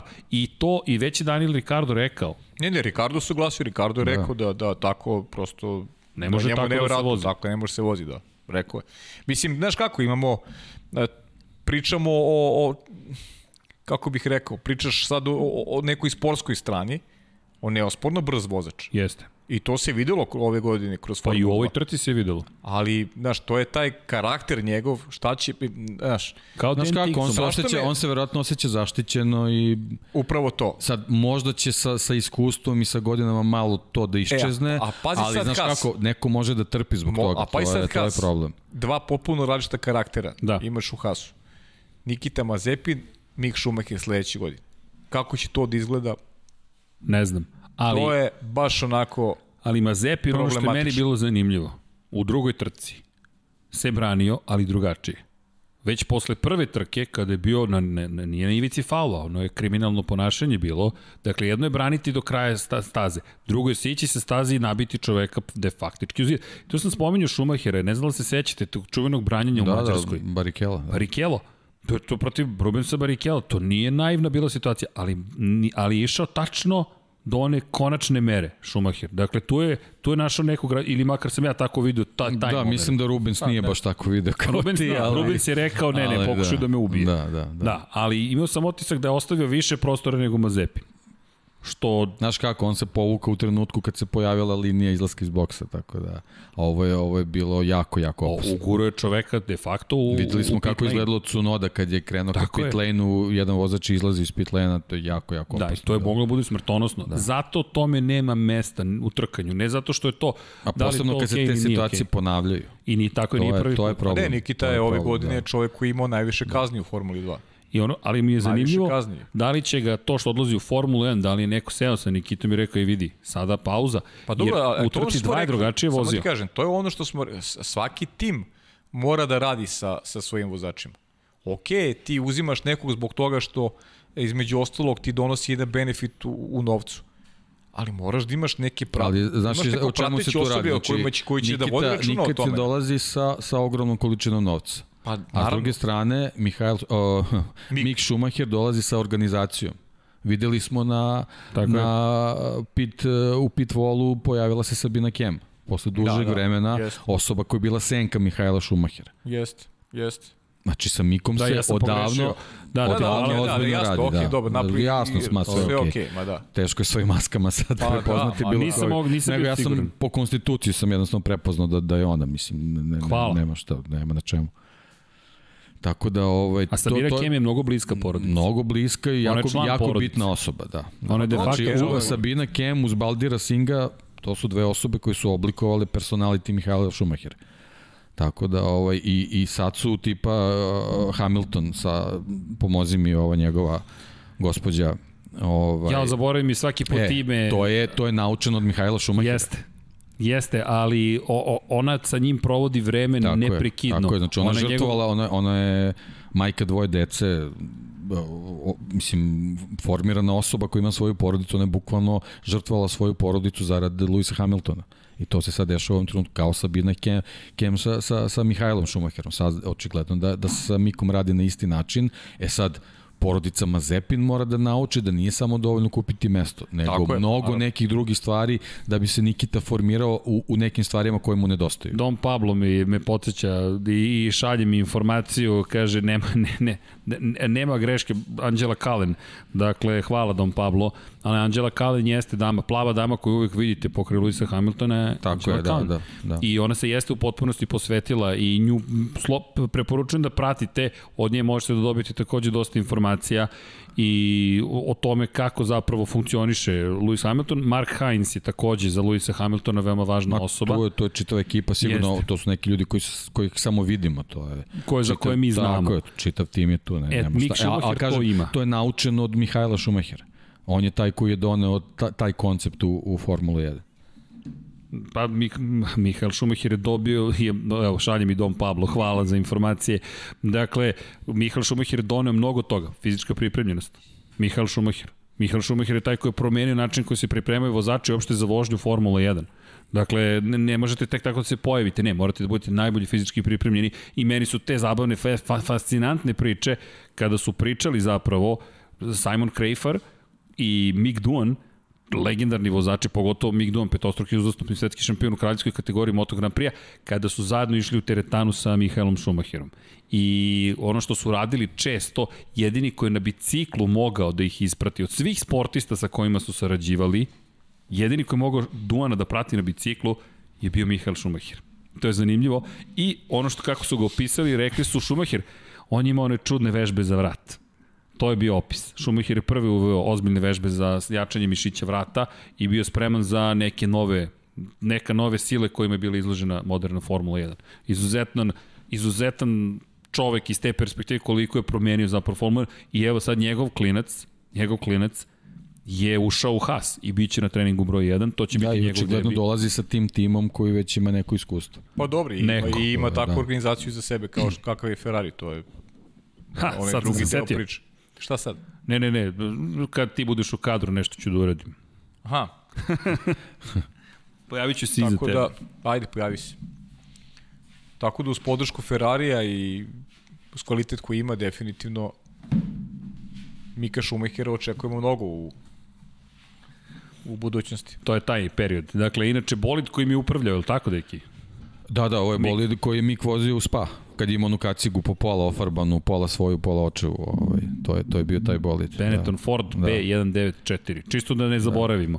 Inače, mi, momci, mi smo stigli do... Uh, To je bolid s kojim je Johnny Herbert pobedio. Da, u Silverstonu, da, E, spomenuli nije, smo. Da. bez nije. pol pozicije. Po sledeće godine. E, sledeće godine. Sledeće, lepo, sledeće. dobro, pozicije. Da. Da, Bel, da. Da.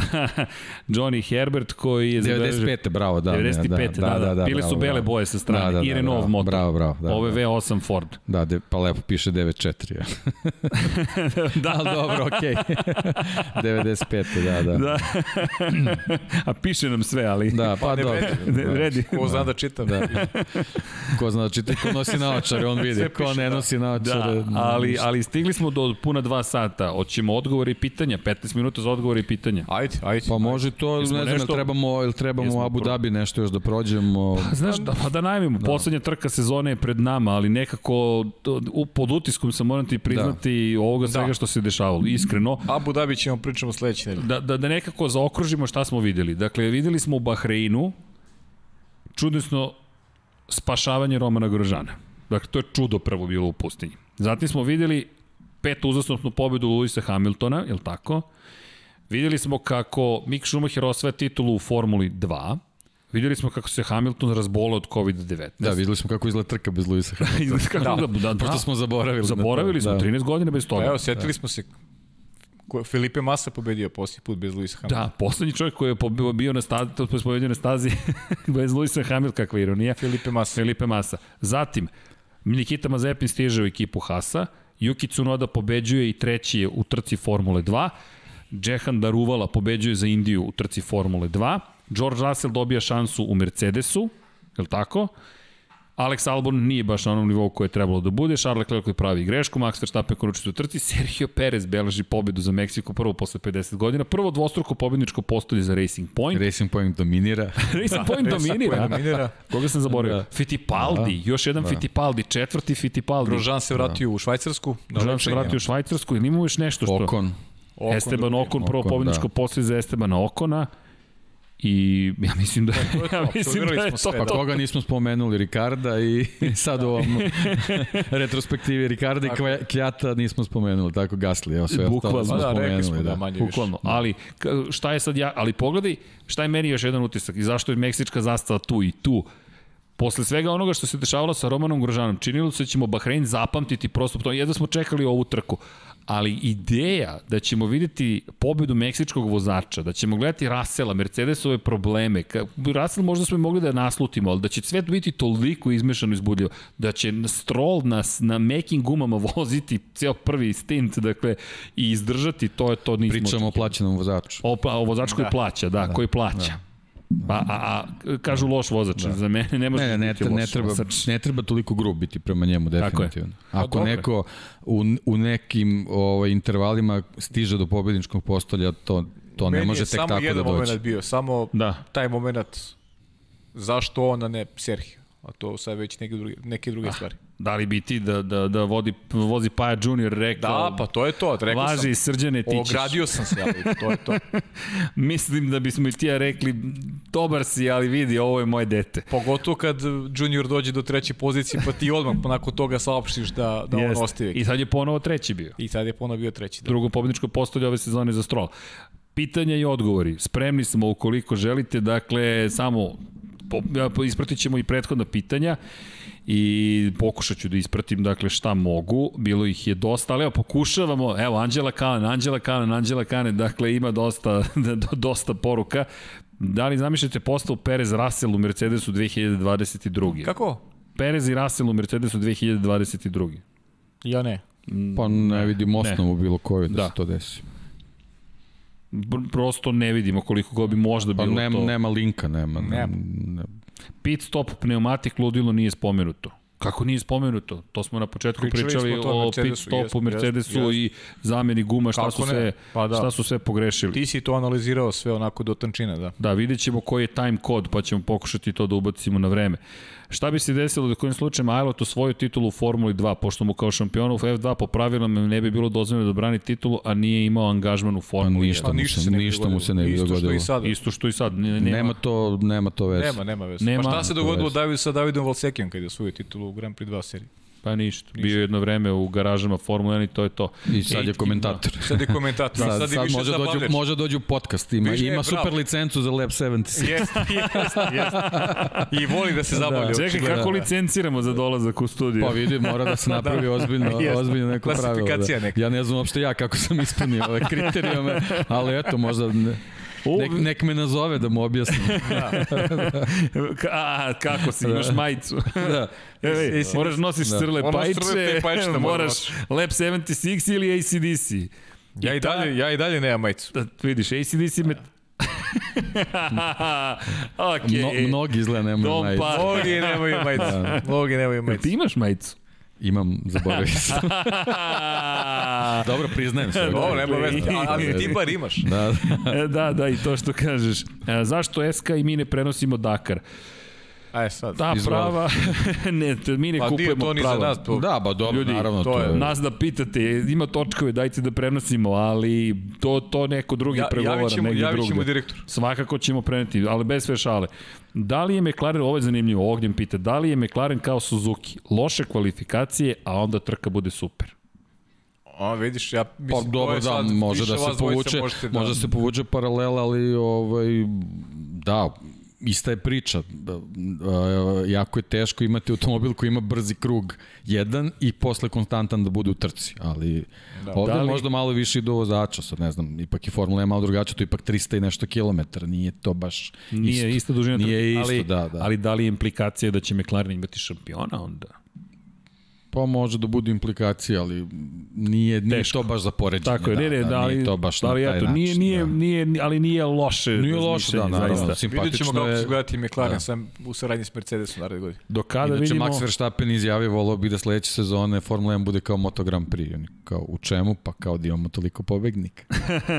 okej, okej. Da, da, tako je, da svi oni gledaju Moto Grand Prix, kao, A, kao pa, neku mustru kako bi to trebalo da bude, ali nije to baš tako lako. Ovo je zanimljivo, da li bi Okon mogao da dobije šansu u Mercedesu 2020 drugi s obzirom na činjenicu pretpostavljam da je bio pa, on tu, je bio tu, tu bio ima je, konekcija da, da ali da, ali teško ali ra, teško. razbijena je konekcija teško, pa, da, pa njemu da. se ne, njemu da. je teško da zadrži poziciju u Renault kamoli da pređe pa, da. Mercedes pa ne mi smo spominjali već dva kandidata koja Jest. mogu da budu već u Renault a i pitanje da... je šta će bi, šta će se dešavati sa Toto Wolfom i to je pitanje Pa da, i da. njegova kupovina udela u Aston Martin, Tako ali je, da. Audijev izlazak iz Formule E BMW-ov izlazak iz Formule E, Volkswagenov izlazak iz automoto sportskih događaja, mislim da koliko god negativno utiču na, na, na Formulu E, pozitivno utiču na Formulu 1. Jest, ali Porsche je ostao Formula E, da kažemo. To Formula E jeste da Porsche. Formula E, da. Da, ali gledam prosto Mercedes i sad koji će biti fokus ako tebi odlaze drugi proizvođači, da li, i to si ti neki naslutio, da će hibridi dalje ostati ključna tehnologija, što Formula 1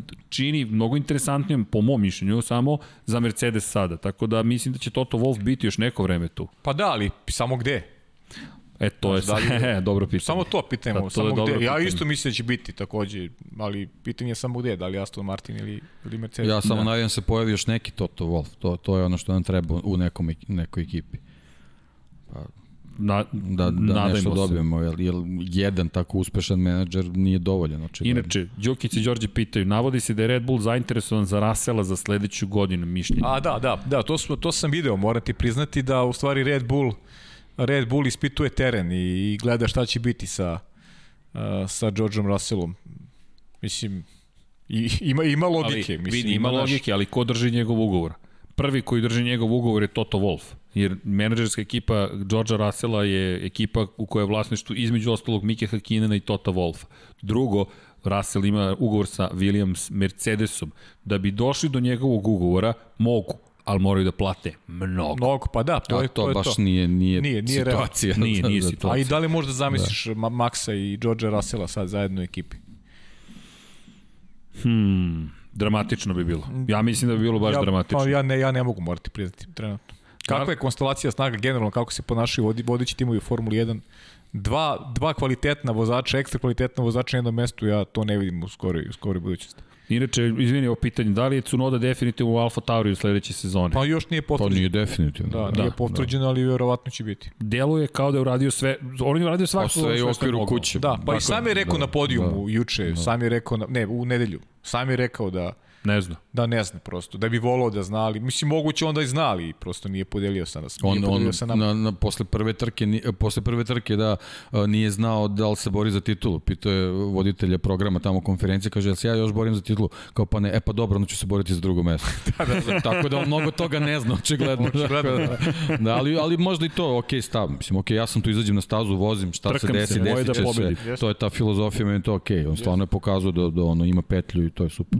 Da, m, zašto timovi ne kontaktiraju Rasela gde je god bi vozio izvlačio bi maksimum, mislim da smo dali odgovor. Pa, Mnogo bi koštalo. Košta, da. Mnogo bi koštalo, ali sad je i za to na Toto Wolfu šta će s njegovom karijerom, jer bukvalno odlučio o Na, sudbini tog na, najmanje bi koštao Mercedes. Najmanje bi koštao Mercedes. Da.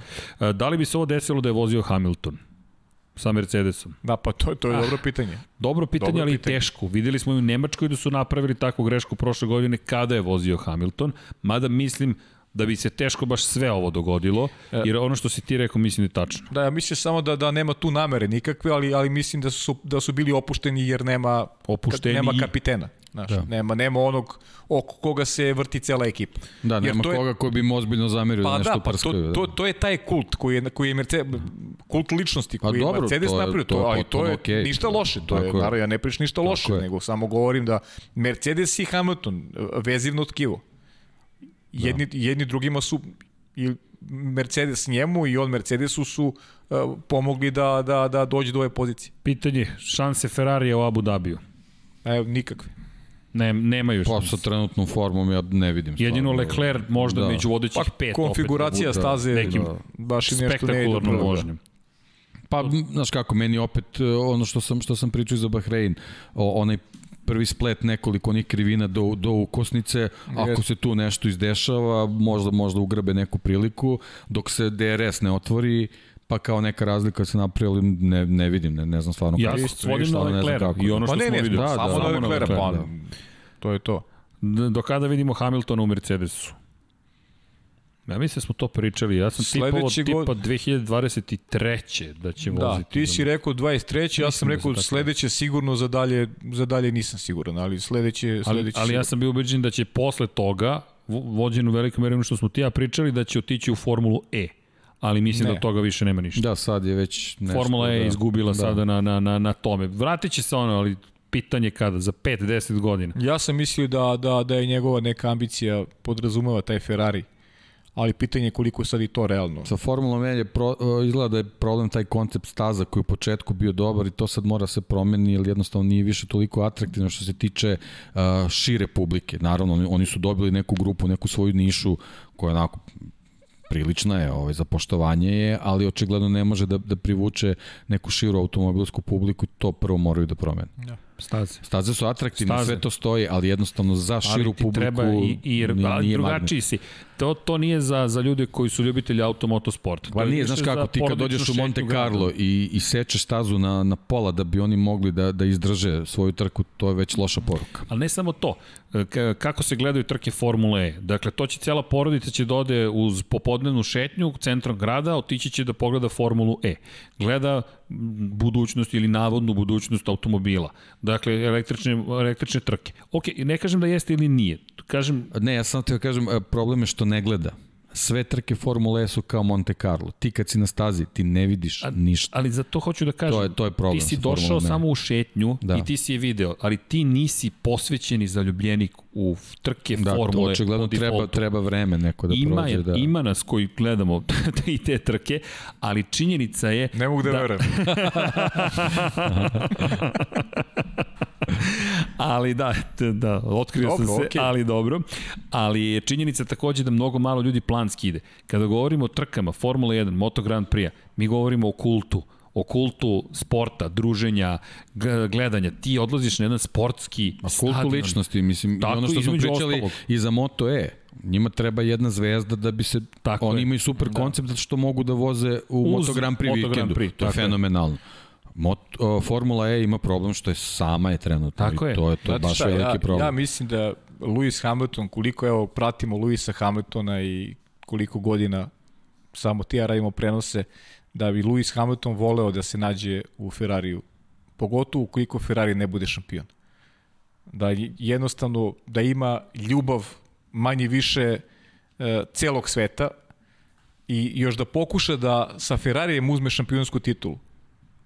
Mislim da bi to bio neki, neki vrhunac onoga što što, Evo ti ga, što Vanja želi, diže ruke. što on želi. I Ja, ja, ja, mislim, ja mislim da on to ima Pa u to je, znaš, onako, kad se gleda s neke emotivne strane, verovatno, je, znaš kako, to je neispunjeni san Ayrtona Sene.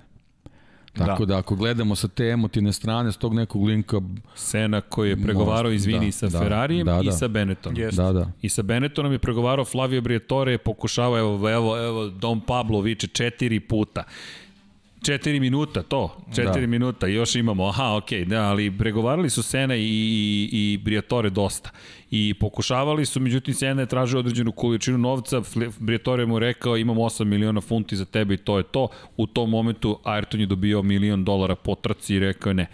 A da se vratimo na pitanje, pošto su nam dali evo 4 minuta. Sa Srki pa je dali Mazepin za Mazepina ono branjenje za crnu zastavu ili veliku vremensku kaznu. Za mene, ono što je uradio ne jednom, već tri, četiri Ponavljao je, puta, da. jeste za crnu zastavu. Zato što mislim da treba da ima primer. Nisam za kazne, ali sam za to da napraviš primer kada neko ugrožava tuđ život i da kažeš Pa samo, ovde je Ali granica. ček, on, on- on je mnogo primera dobio. Jeste. I zašto jeste za da bude izbačen iz trke? Jer on imao 11 kaznenih poena ove godine. Jedan mu je Da, nedostao. jedan je nedostao, Jedan da, je dostao da. da. ne vozi trku uopšte u nedelju. Znači jedan je dostao da, ne vozi trku u nedelju. Tako da... Da, ako to nije opomena, onda šta je opomena, Tako je, da, ako da. neko ponavlja neke stvari, pa da se ne, sme, razumemo, ne sme incident da ne bude sme. opomena. Ja, to- ja ne sme njega, da ja dođe, njega da. poštajem i Da. mislim da može da se profiliše kao dobar vozač. Jer on ima, on ima materijal. Ej, on nije, on nije da tatin svoju sin. šansu. O, on, on, on je dobar vozač. Jeste. Samo treba da se profiliš, treba neko da radi sa njim. E, to je što- pojenta cele Kao priče. što smo pričali, eto, Sergio Perezu kada se pojavio, on plaća da vozi. Danas to niko ne priča. Tako i Nikita, jer, ajmo da ovako, kako ja posmatram generalno, Znaš kako, kako možemo da ga poredimo? Sergij Sirotkin. može, Znači on može tako da završi.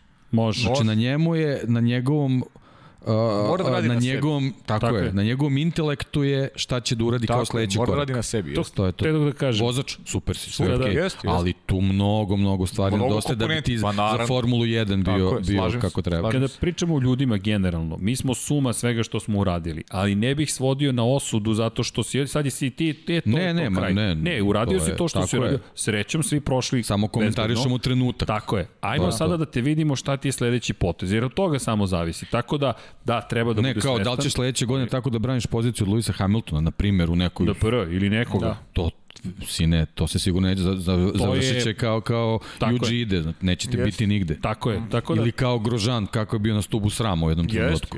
Prele, Zaslužen. preletiš preko Fernanda Alonsa, Kad te obeleži Kraj. neko, kad bude kad, Tako je, kad tako je. budeš Izvini, samo, to- samo vezano za pitanje, pošto je već Da. da. ovaj VRC neko spomenuo. Znači moramo da spomenemo završena sezona. Sebastian Ožije do sedme titule ali kako? Da. Da. Ali Znači, kako? to je, to je jako važno da spomenemo, možda ćemo jedan podcast ako Srđan bude dozvolio ovaj, da jedna, jed, nekih pola sata odvojimo za VRC, ali ovaj, Eno, Dom Pablo, Da. Vanja, Da. ekipa, Ivan, da. mada je Ivan, Ivan nas podržava. Dom Pablo je malo problem, šalim se naravno. Ali kako smo došli do, do, do ovoga? Samo mislim da je mnogo važno napomenuti. Dakle, eh, Elfin Evans je čovek koji je bio na putu istorije. Dakle, mi nemamo mnogo britanskih šampiona sveta da. u, reliju. Mi pričamo o, o, o veoma malom broju ljudi koji su u tome uspeli. Međutim, vodio je u šampionatu sveta pred početak poslednjeg relija i imao je mogućnost da, da samo da završi dovoljno visoko da osvoji titulu. Međutim, izleteo sa staze, nije završio reli, Sebastian Ožije završio skraćena sezona, sedam relija smo imali ove godine. Evans to je tragična priča iz te perspektive. Ali, Ali reli je takav, tu nema, je nema kalkulacije. I ne možeš da kalkulaš. Carlos Sainz stariji je izgubio titulu 100 metara pre cilja. Tomi McKinnon da. se već spakovao, hteo je da, da ode sa, iz Britanije sa relija, Toyota je stala i Carlos Sainz je ostao bez titule, tako da to, to su u reliju dešava. A, a, a nastavljaju, ne, ne mogu da nastavljaju, otvaraju možda novi niz Francuzi, jer ne zaboravimo 2004 do 2019. i Ota Tanaka, mi smo da. gledali samo Sebastijane. Moraš se zoveš Sebastijan da osvojiš titulu. Pa Sebastijan to je bilo, Leb, da, Sebastijan da. Ožije. Leb... Peter Solberg i, i Ot Tanak. Pre, ta, ta, tako, tako je, Peter Solberg 2003. Ali Miko, pre toga... Imali smo Miku Hirvonena koji u eri Olojeba čovjek nije uspio da dođe do titule van serijski vozač. Čekaj, se sećaš, se sećaš Markusa Gronholma? Pa da. Kako da, ne? Da, da. Kog sam ja prekrstio u jednom od mojih prvih prenosa 2006. U jednom momentu Markus, Markus, Magnus, Magnus, Magnus, Markus, Magnus, Magnus, ja zove mi deki. Markus. Rekao, hvala deki. I sin mu je sada, sin mu je, sin mu je dobar vozač. Dobar je, kako nije, odličan dobar je, vozač. Baš dobar. Ali samo da napomenemo, kada govorimo o, o Velikoj Britaniji, mi nemamo veliki broj šampiona, imamo dva šampiona koje su osvojili titul iz Velike Britanije. Veliki veličanstveni Colin McRae 1995. i opet protiv Carlosa Sainca u Subaru kada su signalizirali McRae stani, stani, stani, Sainz treba da osvoji titulu, Ćao, osvaja Colin McRae i Richard Burns. Isto veliki Richard Tako Burns. Je. A tragedija da su da. jedan i drugi, nažalost, ostali smo bez, i bez jednog i bez drugog mnogo pre vremena. I zato je ta priča o Elfinu Evansu tako velika. Evans koji je mogao da bude naslednik jednog Burnsa i jednog McRae-a, Vidjet ćemo šta će uraditi naredne godine, ali zaista teška sezona, sezona, cijela godina je dramatična, srećom svi su živi, zdravi, ali od toga da imamo zaista veliki broj, po, po, po 13-14 relije došli smo do 7, opet skraćena sezona, međutim Ožije se vratio na, na, na vrh sveta posle šest uzastopnih titula, jedne. Dobro, jedno, da, jedna izgubljena je bila zato što jednostavno nije vozio za, za fabrički tim, ali se borio za titulu borio se. i u Fordu prošle godine, ovaj sad je seo u tu šampionsku Toyotu o Jaris Jest. Tanakovu i odmah je pokazao nema šta to je. I, i da samo spojimo sa Volkswagenom, sa Volkswagenom je osvajao titule. Tako je, tako je. Tako da, da Volkswagenov da. izlazak iz raznih Prve programa četiri. je ozbiljan. Da, da. Jeste. Evo, VRC smo spomenuli, pokazuje mi da, da, je, da ističe vreme. Da, da, inače samo, samo to da kažem, da, pošto spominjemo Škoda je jako, jako važan faktor u, u, u, u toj VRC priči. Volkswagen grupa je najavila da će za sve automobile koji, koji nastave nastave da se takmiče, biti obezbeđeni svi delovi i tako dalje. Znači oni nastavljaju s podrškom, ali jednostavno njihovi brendovi se kao takvi neće više pojavljivati u fabričkim timovima. E, imamo još, još nekih pitanja, evo da iskoristim malo, e, evo imaš i pozdrav Dejana Andrića, može VRC, tako je deki. A, što ste ostali, da, da, da produžimo podcast sad kada je najzanimljivije? Ne, ne. E, ne možemo. Ne, ne. možemo još pet minuta da ukrademo. Malo, evo, evo, pet minuta. 5 minuta da ukrademo. Evo, ja kradim. Ovaj, mi, mišljenje o Oskaru Pas, Pjastriju, da li mislite da ima kvalitet šampiona i da li ga vidite u Formuli 1 2022? Pa teško reći, da vidimo kakav će biti u premi naredne godine. Prema velika ekipa, menja Mika Šumahera, ima Švartmana. To su mladi momci, to mladi, da. treba, treba to par godina da prođe. To što je bio prvak u šampionu Formuli 3, ne Talenat je nesporan, sve da, stoji. Jest. Valtteri ali... Bottas je bio šampion u, u Formuli 3, pa se vidi nekad kako nedostaju ti neki koraci Vi, više u razvoju. Više očekujemo da, od Teja da. Puršera u budućnosti, da. definitivno, kada je Formula da. 3 u pitanju. Opet, da. s druge strane, imali smo Kimi Rekoena koji prelete u Jest. Formuli 1, pa je pokazao van serijski talent, pa, ali... Mo, moram čak priznam, gledali smo cijelu godinu, meni je čak Logan Sargent ostio jači utisak da. Eh, nego, nego Pjastri. Iskreno te trke koje on dobio, jeste, koje on dobio su bili impresivni. Da, Imao je više i pol pozicija. Znaš, me, reper su te subotnje trke. Jeste, jeste. Bolje ih je radio Logan Sargent, ne znam, ali ok, ajde vidjet ćemo šta će šta biti. Šta mislimo o Juju Nodi? Dama koja, vidjet ćemo, Čerka, ako se ne vramo, Hidekija Node. Hideki Noda. Da, da Hideki Noda, ali još je rano. E, da. Dama je čerka jednog relativno poznatog vozača, pa pratimo, ali za sada ne, ne mogu da dam neko ozbiljno. Mislim, mada se nadam da ćemo ju videti i ne samo u formuli W, nego da ćemo ju videti generalno nekako kako se probija i ne samo nju, još nekoga od dama. Imate li neko poređenje među Mika i Nikite? Pa evo napravio Deki. Jedan je vrlo staložen, stabilan, miran, fokusiran. Drugačiji tipovi. Drugi je vatren. Ali to takve kombinacije smo gledali do sada. Juan Pablo Montoya i Kimira i Konen sede u istom bolidu McLarena. Ne, fascinantno je, znači koliko je Mik staložen i sve, mislim, mi stvarno moramo, ne, ne smo to da, da, da prenebregnemo, on je pet godina u jako nezgodnoj situaciji, mislim, šest godina u stvari, on je, on je svedok Mihajlove nesreće Jeste, jedini svedok. Dete koje je koje u svom nekom periodu razvoja moralo se su, susretne sa takvim stvarima i izrasta u ovakvu ličnost kako, kako pokazuje jeste. da jeste, to je stvarno I druga fascinantno. stvar koju smo se zapitali, e sad, da. uh, ono što je eto, tragedija možda cele priče, koliko je Mihael Schumacher svestan, ali uopšte svestan da, da. E, šta je njegov sin napravio. Mislim, da. to je nešto što, što mi ne znamo i Tako da to su dve da potpuno različite su, stvari. Da, da s druge strane priče, imamo da. Nikitu koji je potpuno ušuškan u da, celu da. priču i, i gura svoju fazu, naravno, i to je, to je sve okej, okay, ali jednostavno to je, ono, baš su diametralno suprotne Jesu, ličnosti. ali kako će da se oblikuju, to ne mora ništa da znači. Ništa ne mora Ja nisam znači. siguran da je Ginter da Steiner da znači. najbolji čovek u toj situaciji za razvoj mladih vozača. Evo iskreno, jer ono što smo videli, makar i za kulisa za sada, delimo da Ginter Steiner nije taj šef ekipe. Mislim da su njemu potrebni vozači koji su već formirani, ali vidjet ćemo. Ja mislim da to više problem Gina Hasa, on je taj koji pa, prosto nije u sistemu koji je njegov, da. Nije se, ne, ne angažuje se previše. Šta mislite o timu Daniela Lando za 2021. Deluje kao ozbiljno. Može da funkcioniše, da, da, da. Pa može, naravno. Da, da. Dobijaju sa, sa, sa, sa Ricardom, dobijaju stabilnost, ne, nema šta. Hirvonen toliko ne vozio, nije bio šampion. Pa da. Jeste, to nažalost, rekli, da, da, da. Zašto Nemci uopšte ne navijaju za Mercedes kao Italijani za Ferrari, razlika je prosto ogromna. Pre bih rekao da je to razlika na planetarnom nivou. Cela planeta navija za Ferrari. Dakle, yes. Ferrari je kult Formula 1. Mercedes, samo nemojte poceniti Koliko Mercedes... Mercedes nije bio kao samostalna ekipa tako u Formula 1. Tako da, da, da, I to da. je veliki Ferrari uvek tu prisutan. Tako Mercedes, je. prosto to rivalstvo nikad nije postojalo. Ali zato se Ferrari izjednačava sa Formulom 1. I kad Jest. je bilo najteže, Ferrari je bio u Formuli 1. Nikada nije izlazio iz Formule 1 pa se vraćao. Ne, ne, identitet Ferrarija je jednak identitetu Formule 1. I Čak i, I sve formu, te Formula 1 su nosili britanski, francuski, italijanski timovi. Jeste. Jeste. To je, Činjenica. to je nekako godinama tako razvijeno Jeste. i iz tog razloga ne postoji taj kult. A ja mislim da Mercedes. da Nemci generalno navijaju za, za Mercedes. Pa, Sad, Schumacher kako se, je... Kako se vratio u Mercedes. Ali mislim da je Schumacher promenio uopšte percepciju Formule 1 u Nemačkoj, kao Alonso u Španiji Formule 1. Ne, ne, Nemci nisu imali šampion, nisu imali veliki broj vozača uopšte. Imali su u jednom periodu, ali pa dobro, vidiš generalno promenio. kako se muče da, da održe veliku nagradu kod sebe. Mislim. Tako je. Jeste. I to je tačno. Drugačija kultura, prosto Drugačija nešto kultura. drugo. Evo, ove godine smo imali tri puta da. u Italiji smo da. imali trkanje ove godine. S razlogom. Da. S razlogom. S razlogom. Da. Tako da tu više odgovor prosto koliko je Ferrari taj koji je koji je popularan. Da, da li će bolid Ferrari 2021. biti konkurentniji? Hoće. Mi smo prilično sigurni, teško Hoće možete sigurno. gore od ovoga i s jedne strane, s druge strane, prvi rezultati testa novog motora govori prilog tome da je za ovoga super motor. Na šta, za početak treba ta da. snaga, što smo i rekli na, na početku podcasta. Šta je samo pitanje, kakav će Mercedes biti naredne godine? To je možda jače pitanje. Ferrari će biti bolji, sigurno. A vidimo koliko će Mercedes biti bolji. Da, i Mercedes je ostao bez jer, Andy Jer mi svake godine, tako je, Andy Cowell je otišao. A, mi svake godine pričamo da li mogu Red Bull i, Ferrari da naprave pomak odnosno Mercedes. A Mercedes je taj koji svake godine pravi ozbiljni iskorak u odnosu na, na rivali. Sve bolji i bolji.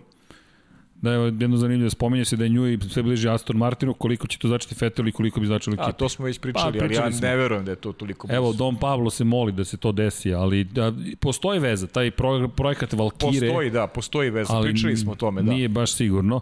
I evo još samo tri pitanja i završavamo. Dečki, molim vas, kažite gde Bottas uzima motivaciju? Ne znamo. U ovom momentu već ne znamo. Ali Bottas je prošao svašta ovih godina. Ljudi, on se i razveo od, od prethodne žene. On sad ima novu ženu. To su lični potresi koji su vrlo ozbiljni. Dakle, proći takvu vrstu promene. Nije samo to, na, na, bukvalno na kraju svake sezone ima stres da li će voziti sledeću. Jeste. U, uvek I se to, to dešava. Tačno. I onda naravno dešavaju se ti neki kiksevi koji, koji generalno očima javnosti prave problem s njim. Mislim, bori se sa, sa mnogo stvari, ali gde pronalazi motivaciju verovatno upravo u tome iz trke u trku pokušava da dokaže da tu tre, i treba da bude gde jeste.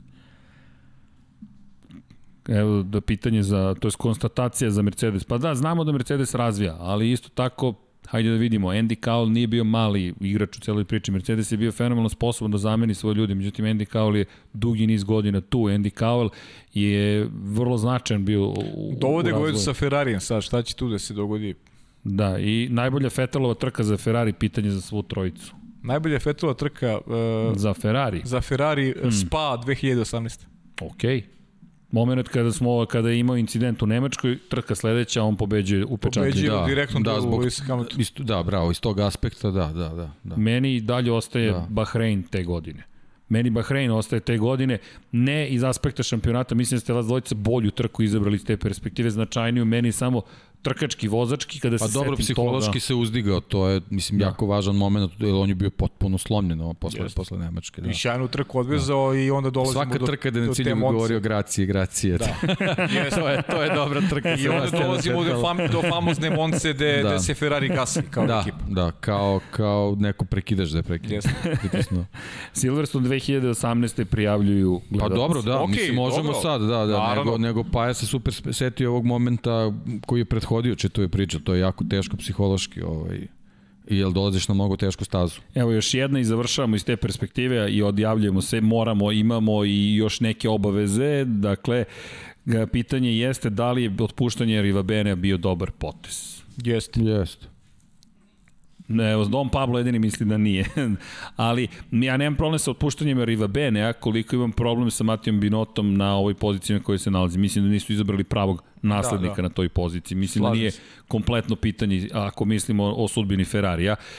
Ljudi, mi eto, ne, i da li skraćujemo podcast, produžavamo podcast, tražimo negde način da, da opet svima ostane pažnja, da je funkcionalna, je.